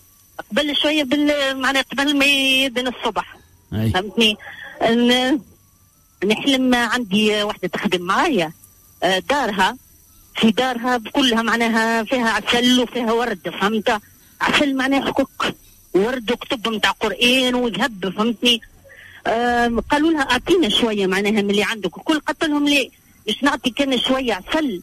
الولد فاتحه خاطر هو مريض. باش ربي يشفيه. ما نعرفش ما نحب نسال اسك هذه تدل على شفاء الولد ولا. هو تو ال- ال- الرؤية هذه عموما أنه العسل هو شفاء. معناها ربي سبحانه وتعالى ذكر في كتابه العزيز معناها أنه شفاء للناس. فيه شفاء للناس نعم. والقرآن هو شفاء. وأنت إن شاء الله الرؤية هذه معناها مؤشر طيب. إن شاء الله معناها ربي يشفيه ربي يخفف عليه وربي يعطيه ال- معناها الصحة والعافية. أنه يخرج من هالحالة هذه اللي هو فيها.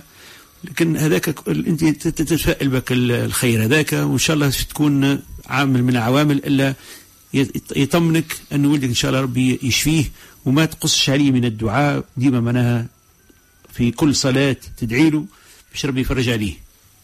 آمين. إن شاء الله. عايشك يرحم والديكم يظهرك واضح، واضح. سلام عايش. سلام. سلام. مكالمة موالية. كان فما مكالمة أخرى نجلة ناخذها. ألو مرحبا بك شكون معنا؟ ألو عسلامة أهلا وسهلا شكون الاسم؟ آه، مواطنة من تونس. تسكر الراديو ولا بعد عليه أختي المواطنة؟ آه باهي.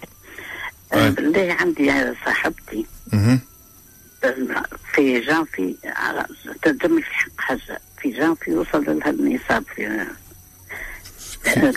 في تعرف في جانفي اللي فات هذا وص- وصل وصل- وصلت للنصاب معناتها في الأموال اللي عندك. أي؟ أي. آه، تحب تعرف قديش ت- ت- عندها تخرج مثلا سنة وإلا تخلي للعام الجاي وتحب تعرف المليون إيش عليه أي. واضح على زكاة ال- طيب. الأموال هذه بالنسبة لل- للزكاة بتاع الأموال هي والحول متاعها معناها كيفاش عملته كيفاش تحسب فيه. معناها في نهاية الأمر أنه جان في السنة المع المعروف أنه كل سنة قمرية معناها شهر محرم المحرم. أنا من شهر محرم إلى شهر محرم. معناها سنة خلي في- يوضح المسألة للمواطنين الكل باش يفهموا. نوضح لك ال- إيه. العملية. إيه. أنه نصاب الزكاة كل عام قمري معناها وقت يدخل رأس العام الهجري. اللي طيبوا فيه الكسي والقديد وطيبوا فيه كذا وإلى غير ذلك كان العام الهجري رأس العام الهجري جديد محرم. واحد محرم. إيه. وقتها المفتي يعلن على نصاب الزكاة بتاع العام هذاك.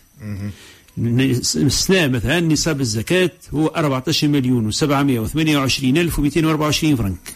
تاع 1444 هذايا كل مليون تخرج عليه 25 دينار ربع العشر معناها المليون تخرج عليه 25 دينار 2.5% يتسمى مهم.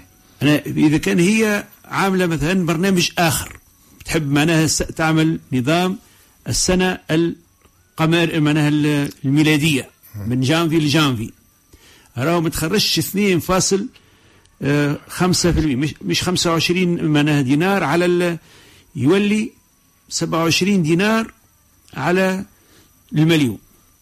آه، زوز- يزيد يزيد يزيد. 2000 واحد. يزيد 2000 هذه بال معناها السنة الميلادية. هذا- فما معناها لجنة تاع الزكاة وكل. أنا اللي يحب يعمل العام ال- الميلادي الميلادي. يخرج أكثر شوية 2.57 معناها. مهم. 2 في عض 2.5 2.7 هي من هي من رجب رجب هاني قلت لك معناها العام نتاعها كيفاش تعملوا؟ هي بال... حسبتش تعداش عليهم عام كامل هذوما اللي عندها- لا لا لا لا سنة سنة في الرجب سنة هي معناها السنة من دوب بدا معناها من رجب حتى الجانفيا وصلوا للنصاب الرجب نتاع السنة. إيه. من رجب نتاع السنة عندها المبلغ هذاك. عندها اي وقتها ولا عندها آه مازال ما دارش عليهم العام مازال ما دارش عليهم العام لا مازال أيوة، هي حتى يدير حتى يحول الشرط نتاعهم حتى يحول عليهم الحول. اللي كان قعدوا لها للعام الجاي. هذاك حابة تعرف. يعني يلزم يلزم يحول عليهم الحول. وإذا حال عليهم الحول تولي تخرج على كل مليون معناها تحسب مثلا برجب أنت قلت لي رجب معناها شهر رجب. سبعة رجب قلت لي سبعة رجب. السبعة رجب الجايين كانوا قعدوا الاموال هذيك ولا زادوا. تخرج على المليون 25 دينار. وربي يتقبل إن شاء الله. واضح. يثبت أجركم ويرحم والديكم. عايش نواصلوا اذا مع المكالمات. ألو. ألو مرحبا شكون معنا؟ ألو صباح الخير. صباح النور تفضل. مرحبا. بك. يعيشك يبارك لك. شكون معنا؟ بربي أني بكري نسمع فيكم والله خفت على الأخر. نسمع فيكم تحكيوا على الصدق. أي. أني باش نحكي في الموضوع هذايا. تفضل. أني والله الحقيقة ما نكذبش معناها على عباد ولا نفتن ولا نعمل حتى حاجة. مهم. أنا في علاقتي براجلي معناها يا ربي. اني إني موظفة معناها. ودارنا أمي وبابا معناها كي كنا كنا عائله أقل حتى من المتوسطة. وإحنا سبعة صغار قرونا ووصلونا وكل شيء وتخرجنا وخدمنا. يعني بابا كي جاي يموت الله يرحمه وصاني على خواتي خاصة خواتي الأولاد. تسمع فيا؟ أيوه. واصل. تفضل؟ تفضل. تفضل نسمع فيك. واصل. أي وصانا وكليك أني كي عرست لاحظت اللي راجلي معناها ما يحبنيش نعطي م- مش ما يحبنيش نعطيهم بالكل. أما قال لي مثلا تعطي لأمك مبلغ معين شوية وما يعمل لها حتى شيء. ومعناه يتدخل راجلي في شعريتي وكل شيء أما هو راجلي معناه يعمل بها في مصلحه في الدار. مع بعضنا معناه هو يخدم واني نجبد شعريتي نمدها له. أما اني معناه مؤخرا إخواتي في حاجة إنهم يعرسوا صغار وما خلاهم بابا وما همش يخدموا كل معناتها نعاونهم بالسرقه عليا يعني نخبي مبلغ معين كي نجي نجبد. ونعاون اخواتي ونعاون أمي وزاد كي نتلموا في دارنا أنا واخواتي ن- نشريو حاجات وكل خاطر إني نعرف معناها اللي هو ما يعطيني ما يعطينيش. يقول لي انت تعلمهم بال بالبخل وما يعملوش على رواحهم وكل. ما اني نحب نسأل معناها هذا اسمه كذب معناها اني نكذب على راجلي. وإلا اني ما نعرفش شنو خاطر هي شهريتي معناها الخاصة. وإني نعطيه نخبي مثلا المبلغ اللي زايد اللي هو ما يعرفوش قداه زيادات هي مؤخرا ما يعرفهاش هو قداه معناها هذاك نتاعي آني معناه والا آني قاعدة نكذب على راجلي وخاطر آني كان باش نقول له حياتي باش تولي مهددة وصغيراتي والكل معناه باش يتغشش عليا وندخل معاه في مشاكل. نحب نعرف. وحاجة أخرى بربي هو راجلي معناها هيك الحزار برشا. ما ما يخلينيش ما عنديش جيران أنا نراهم ما عنديش أصحاب نمشي لهم لا حتى شيء. أي بلاصة حتى لدارنا يهزني هو. اني ساعات نضطر مثلا باش نمشي نزور عمي والا عمتي ولا خالتي ولا حاجة. نساله نقول له ما يسالش يعني نمشي. يقول لي لوين وما تهزش صغار ومش لازم. اني ساعات كي أمي تمشي نمشي معاها مثلا عمتي مريضة ولا حد. ون- ونخبي عليه خاطر هو ما يحبش خاطر هو يعركني يقول لي لوين معناه يقول لي نهزك اني اني نحب نسال معناها هذا اسمه كذب على راجلي ونتعاقب عليه من بعد وإلا شنو هذا؟ تخرج من غير موافقة ويعطيكم رجلها الصحة وبارك الله فيكم وسامحوني. اسمع هو في الأصل أنه العلاقة الزوجية مبنية على الصراحة مبنية على ال- الحياة اللي معناها فيها تفاهم وفيها كذا. أنت فيما يخص الأموال اللي تأخذهم أنت معناها معناها لا ولاية للزوج على أموال زوجته. من المفروض أنه هذا المبدأ. ما عندوش تدخل في أموالك الخاصة. معناها حتى لكن هي سنسته تعطيه الشهرية في يده إيه ويتصرف. معناها هذا من حاجات اللي معناها يلزمها تكون مبنية على من الأول على أسس صحيحة كيفاش باش نتعاملوا. إذا كان أنت معناها العائلة متاعك تعرف أنها محتاجة وباش تعاونها نجم تعاونها. معناها ما فماش حاجة تمنعك باش تعاونها. أما ما يكونش هذايا على حساب أنك تسلم في عائلتك ولا معناها تسلم في أهلك لأنه إذا كان معناها زوجك معناها محتاج وغيره وهو اللي هو أولى باش تساهم. معناها على قدر تنفق على قدر الطاقة متاعك. هذا من ناحية هذه. من ناحية أخرى أنك ال- إعلامه لازمك تعلمه باش تعطي. أنا هذا من الواجب عليك أنك تعلمه مش تشاور تعطي ولا ما تعطيش. وإنما تعلم تقول راني هاو باش نعاون دارنا باش نعاون كذا. هذاك من حقك باش تعمله ما فيها بس أنه يكون العلاقة بيناتكم فيها كل الصراحة وتصارحوا ما ما تصورش أنه إنسان معناها عايش مع معناها دار نسابه باش يجي معناها يرفض باش تعاونهم إذا كان يعرفهم هم محتاجين. تقول لي أنا خايف عليهم لا يوليوا يستانسوا والى غير ذلك. أنت مش باش تعملها لهم حاجة معناها في كل الأوقات معناها كأنه حق. مكتسب وإنما لظروف خاصة تح- تحاول باش تعاونهم قدر المستطاع وبالتالي هذا أمر يجوز لك شرعا. بالنسبة للزيارات اللي قلت عليها لابد أن تعلمه. معناها ما فماش حاجة ما فماش امرأة تخرج من غير إذن زوجها. معناها تعلموا تقول له باش تمشي امي كان قال لك نوصلك خليه يوصلك ما فيها باس شبيه معناها ينجم حتى هو يعمل صله الرحم معك وبالتالي ما ما تحاولش باش تخلي الأمور تكبر بيناتكم إلى أنه يوصل إلى واصل لا يحمد عقباه. فما تقول لك نستانس ديما يعرفني ديما نخرج هكا من غير ما نقعد نشاور فيه كل مرة. إي معناها هذه الحاجات هذه هي اللي تخلق المشاكل. تقعدش كل مرة تشاور فيه معناتها. معناها هو ما شنو عندها رئيس معينه مثلا تجي في الدار تقول راهو عمي مريض باش نمشي نطلع عليه هاني امي ولا باش تمشيش توصلني ولا معناها المهم فيها باس. معناها كي تقوم الحياة على الصراحة كان ما خلاهاش ما تمشيش. ما تخليهاش ما تمشيش. توقف ولا فما وسائل أخرى بتاع اتصال؟ تنجم تكلم عمها ولا خالتها ولا خالها بالتليفون تسأل عليه تقول والله غالبا ما نجمش يجي ولا فما ظروف ولا من غير ما تقعد تدخل في التفاصيل. هنا تتصل حتى بالتليفون وذلك أضعف الإيمان على الأقل. واضح.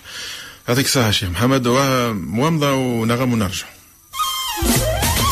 إذاعة المنستير أكودا هرقلة سوسة عن موجة 99 إذاعة المنستير. 99 بسم الله ما شاء الله وما فيش حارس إلا الله وأنس يلعب ويا أصحابه وسيدنا محمد يستنى بعد ما يلعب يجري عليه بحنان الأب يربيه والحنية تبان في عينيه وبيضحك له رسول الله. صلوا على سيدنا المختار. قال له في ودنه على مشوار. وأنا طفل صغير لكن كان بيأمنوا على الأسرار. خبى السر يا أمحايا مهما تزن النحلايا وما قالهوش للوردايا والعصفور على الأشجار. الله أكبر سمي وكبر أمه بتسأل لما تأخر قال لها سر رسول الله وأنا مش ممكن أقول ولا أقدر. تاتا يخط العتبة ويكبر وبيتعلم وبيتشطر. يروي حديث سيدنا محمد وبيحكي للناس ويفسر. صلوا على سيدنا المختار له في ودنه على مشوار. وأنا طفل صغير لكن كان بيأمنوا على الأسرار. خبى السر يا أمحايا مهما تزن النحلايا وما قالهوش للوردايا العصفور على الأشجار.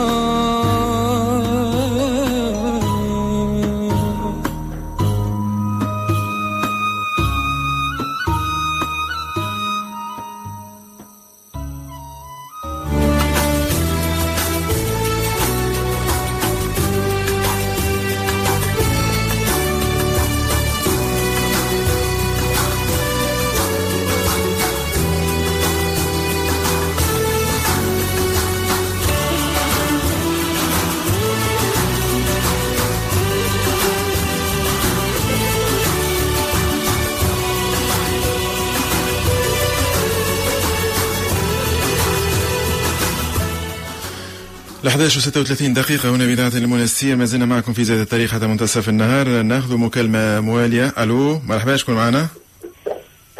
ألو. ألو صباح النور. نأخذ المكالمة مكالمة أخرى كان مش حاضرة هذه. سلوى؟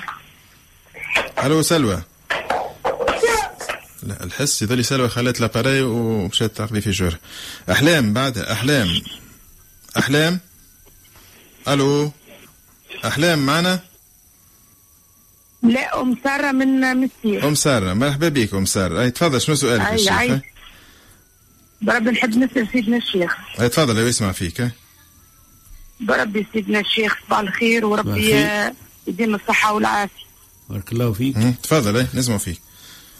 آه عندي آه لوسي توا ممكن أربع سنين. ما نحكيش اني وياه.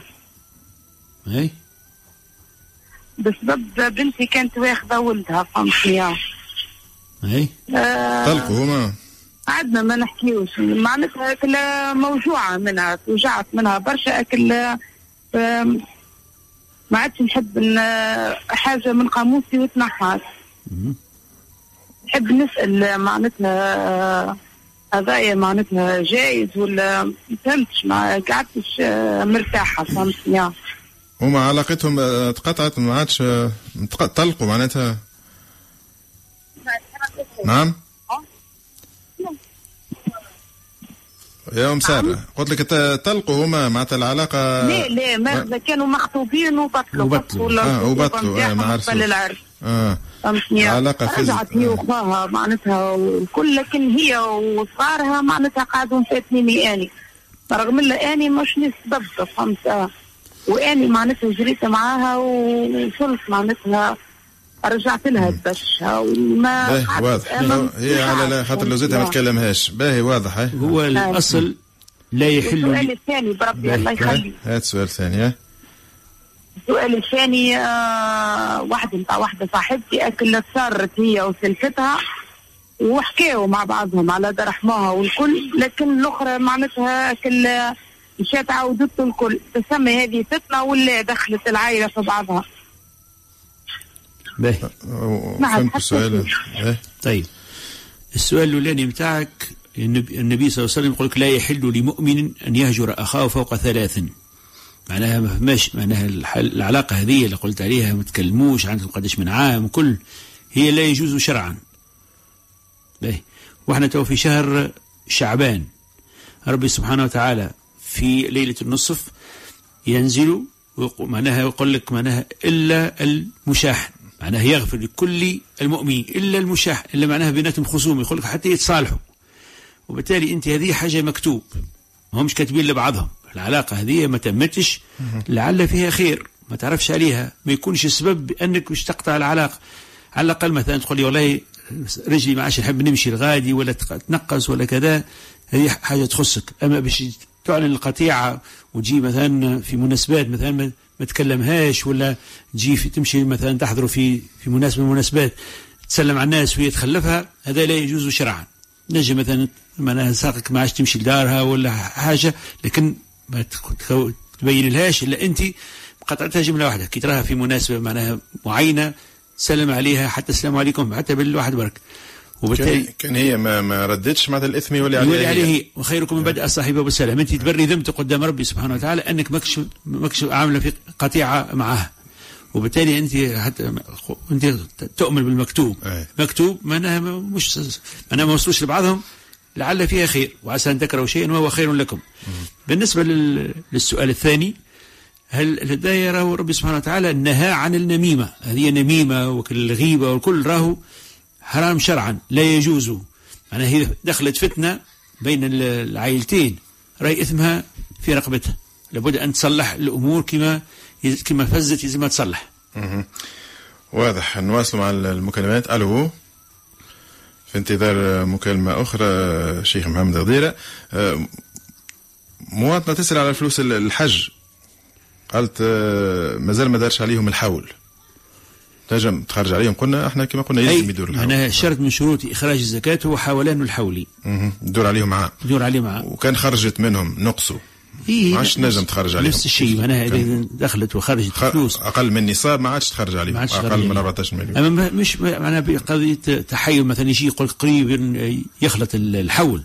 يجي يقول لك برها نشرك القطعة هذيك نخرج نقص من مليون باش نمنع ال- النصاب. باش ما يخرجش باش ما يخرجش الزكاة. معناها الإنسان إذا كان تعود الفلوس يكون داخلين خارجين و- ويتعامل بهم بطريقة عادية ما يخرجش عليهم. أما إذا كان يولي نوع من التحيل لأنه برشا ناس قاعدين يتحايلوا اللي- حتى على ربي هيك باش. اي باش يخرج الزكاة. معناها يلقى روحه يقول لك قريب يجي العام برا نشري بهم حاجة ونعمل كذا نقص منهم باش ما. يخلصش للنصاب. ولا كيما الفلاحة فك ال- الغنم ولا البقر ولا الإبل. معناها يجي قبل الواحد يمشي بيع زوز ولا ثلاثة من ال- أها. الأغنام نتاعو باش ما يخلطوش لل- للنصاب.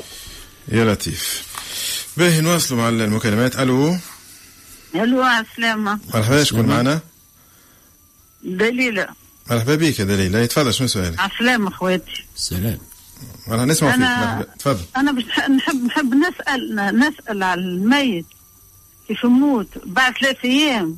أي. يعملوا له ما يسمى يسمى بالفرق. الفرق إيه. الفرق هذا معناتها يطيبوا وينصبوا ينصبوا الموائد ويطيبوا الكسكسي ويطيبوا أي.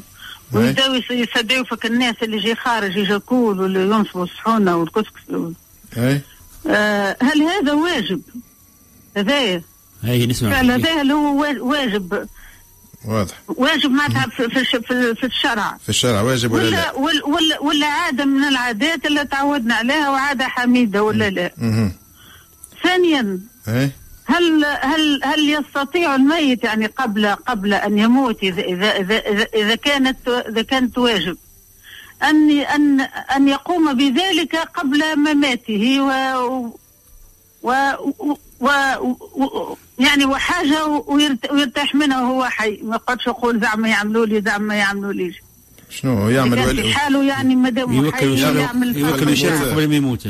آه يعمل وليمه قبل ما ولا يموت. ولا هل يستطيع يعني ان ان يعطيه حتى ن- ن- نقدا ولا ولا ولا, ولا يقضي قضيه ويعطاها للعائلات و- ويخرج على روحه وهو حي إذا كانوا كانوا واجب. هذا إيش حبيت نسأل عليه. فهمتك.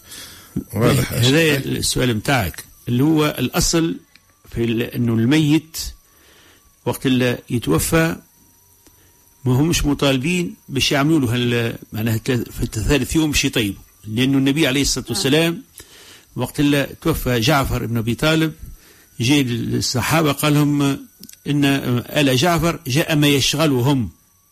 معناها جاءهم حاجة مصاب جلل اللي هو الوفاة. جاء ما يشغلهم فاصنعوا لهم الطعام. معناها الجيران هم اللي يعملوا الطعام باش يوكلوا أهل الميت. هم مش في وضعية إلا باش يطيبوا باش يقصعوا ويوسعوا للناس. معناها هذه راهي مخالفة للسنة. إحنا بالعكس ولينا. ولا يعملوا ولاء ويعملوا كذا. هذا راهو لا يجوز شرعا. معناها باش تقول لي يطيبوا ويقصعوا ويوسعوا الناس تجي تاكل ويستدعوا فيهم. هذا من ناحية. من ناحية أخرى هو لا عزاء بعد ثلاث ثلاثة أيام هذوكم هم مجعولين باش الناس يشيوا يواسيوا أهل الميت. معناها باش يخفوا عليهم المصابة متاعهم وإحنا مع الأسف يجيوا باش يقطعوا ويريشوا كل واحد الكل تلقاه. يقول لي جايين أنتم الغادي في الثلاثة أيام هذيك لأنه الميت جاي معناها في وضعية لا يحسدون عليه. باش تجي انت تريف غادي تصبروا الله يرحمه وتقولوا راهو أنا هذه الثياب تاع الناس كله وتجيب له وتدعي له بال- بالرحمة إلى غير ذلك. وانتهى الأمر.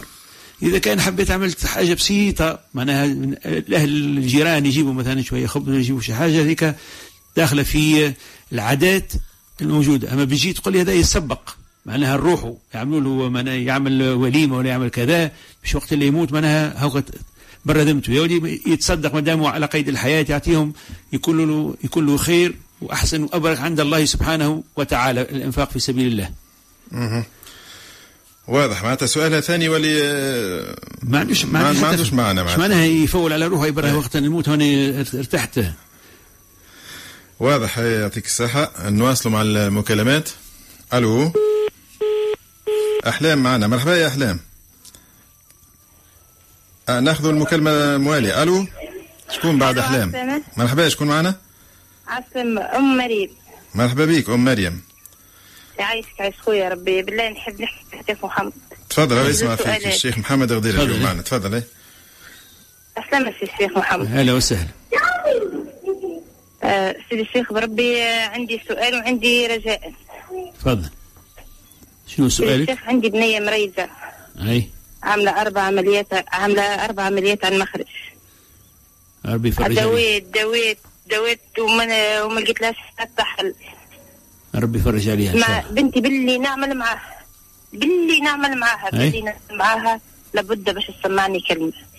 لابد باش تسمعني كلمة تجارب تقول يا تقول لي ماما علاش جايبتني للدنيا؟ تقول لي ماما علاش علاش جايبتني؟ كي مريضة كما هيك. سيدي الشيخ ما لقيته نجري به. أنا أم وحدي عندي أربع صغيرات أنا مريضة. ولا لحمي يزراق فيسع فيسع اي من ابسط عندي تشكيله في القلب. تعبت ما لقيتش حتى حل. معناتها حبيت نسألك أنت. معناتها على خاطر الحكم مانيش مقصرة معاها جملة. أنت بالنسبة السؤال ليك الثاني أي. السؤال الثاني. الله يبارك أهل الخير ويرحم والدي كفما أهل الخير يعاونوني على العطرية. عندي حانوت السنة 300 ألف. مش معناتها مقلقني برشا عليهم 300 ألف. ما لقيتش كيفاش نخلص باهي أم مريم. الله؟ يبارك لك ويبارك لك. اللي يحب يعاون أم مريم رقم عنا. إن شاء الله إذا كان فما إذا كان فما إعانة. سؤالها الأول؟ السؤال الأول أنه بنتك معناها الله يفرج عليها. وهي إن شاء الله معناها ربي يصبرها وربي يعينك عليها. أما تحمل منها شوية الله غالب مش تعملها هي بلا تحس فيه معناها ولقات روحها معناها ما براتش رد الفعل بتاعها باش يكون طبيعي انت اصبر على بنتك وصبرها انت وقول لها راهو ربي يفرج عليك وإن شاء الله ربي ياخذ بيدك. وذاك راهو ابتلاء من الله سبحانه وتعالى. وإن شاء الله ما يجي لما أنا لابد أن يجي نهار وتشفى منه. وأنت تشوف بعض الأطباء الأخرين ينجموش مثلا يشوفوا لها حل من الحلول ورحمة ربي ما تقطعش إن شاء الله وإن شاء الله ربي يفرج عليه آمين يا رب العالمين. نأخذ مكالمة أخيرة شيخ محمد. ألو؟ ألو السلام مرحبا تفضل تكون معنا. عايشك. معك مريم. مرحبا يا مريم تفضل. آه والله عندي زميلتي راجلها معناها لا يخدم لا يقدم آه الشرب وكهو. وتقول له برا مشي يجيب لك الحاجة منين منين منين يعملها مستوج يمشي حشاك يسرق ويوكل ولاده في لطيف. درا هذايا حلاء معناها ماهوش نورمال معناها الوضع هذايا. وهي تاكل وتسكت معناها راضية بالوضع أيه. شنو سؤالك مالا تو هذا الحالة؟ هو معناه سؤالي معناها درا هي معناها الشيء هذا حرام ولا حلال وهو حرام معناه. السؤال السؤال يعرف الجواب. بطبيعة الحال هو حرام لأنه كل لحم نبت من حرام فالنار أولى به. من السحت. أي. معناها المفروض أنها توقفوا عند حده هاي ما عادش تقبل منه الحاجات هذه ما تنجمش توكل أولادها الحرام راهو. تعرف تعرف خاصة تعرف المورد نتاعها من السرقة. السرقة أي.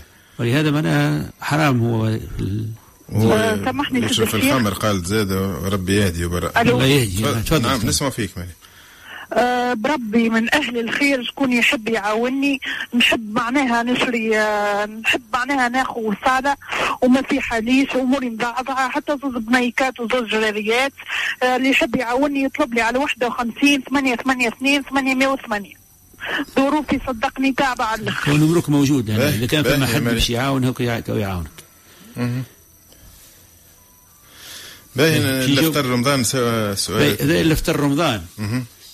إذا كان عنده عنده إذا كان عنده عذر نتاع ال- الإفطار هو كما يولي وقت اللي يتيسر الأمر يرجع.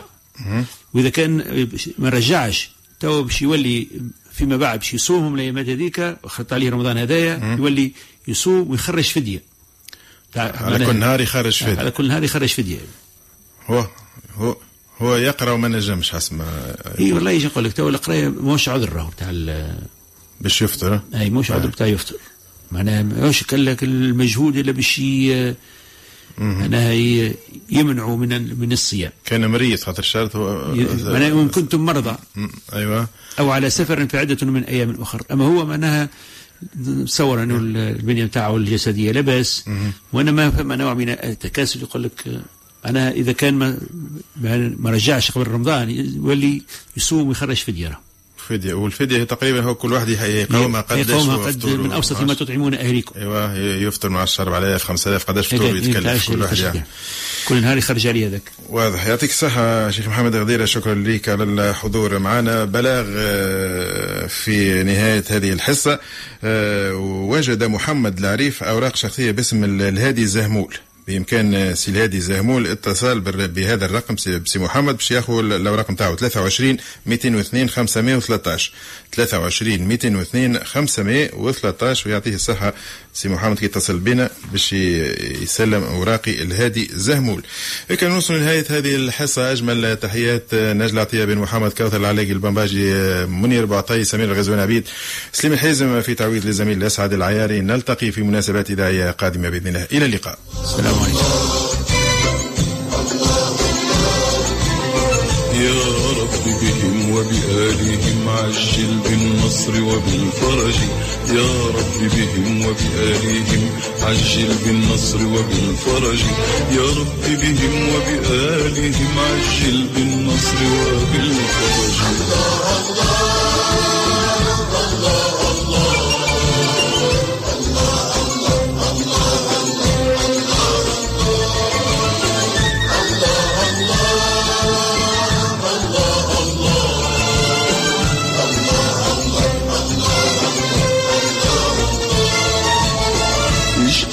أزمة تنفرجي قد آذن ليلك بالبلج. هو ظلام الليل له سرج حتى يغشاه أبو السرج. اشتدي أزمة تنفرجي قد آذن ليلك بالبلج. وظلام الليل له سرج حتى يغشاه أبو السرج. وسحاب الخير له مطر فإذا جاء الإبان تجي. وفوائد مولانا جمل لشروج الأنفس والمواجي ولها أرج محي أبدا فاقصد محيا ذاك الأرج. فلربة ما فاض المحيا ببحور الموج من اللجج فلربة ما فاض المحيا ببحور الموج من اللجج. فلربة ما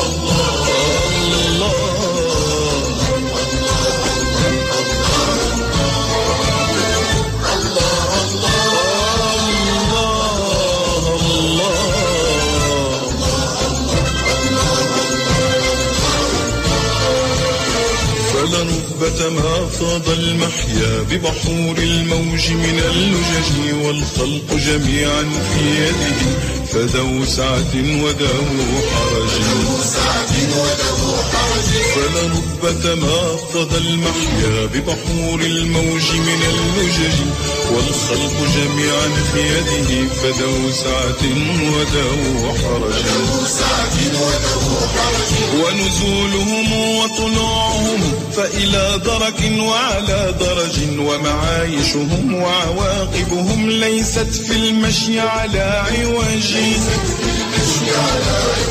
حكم نسجت بيد حكمت ثم انتسجت بالمنتسج. فإذا اقتصدت ثم انعرجت فبمقتصد وبمنعرج.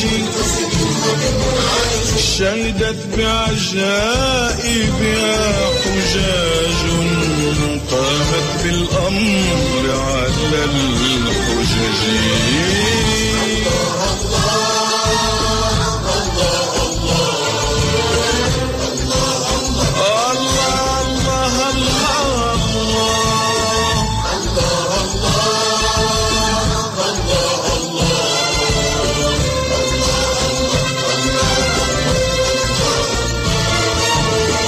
شهدت بعجائبها حجج قامت بالأمر على حجج ورضا بقضاء الله حجج. فعلى مركوزتها فعوج. شهدت بعجائبها حجج قامت بالأمر على حجج ورضا بقضاء الله حجج. فعلى مركوزتها فعوج. وإذا انفتحت أبواب هدى فاعجل بخزائنها ولجي وإذا حاولت نهايتها فاحذر إبداك من العرج لتكون من السباق إذا ما جئت إلى تلك الفرج. فهناك العيش وبهجته فبمبتهج وبمنتهج. فهج الأعمال إذا ركدت وإذا ما هجت إذا انتهج.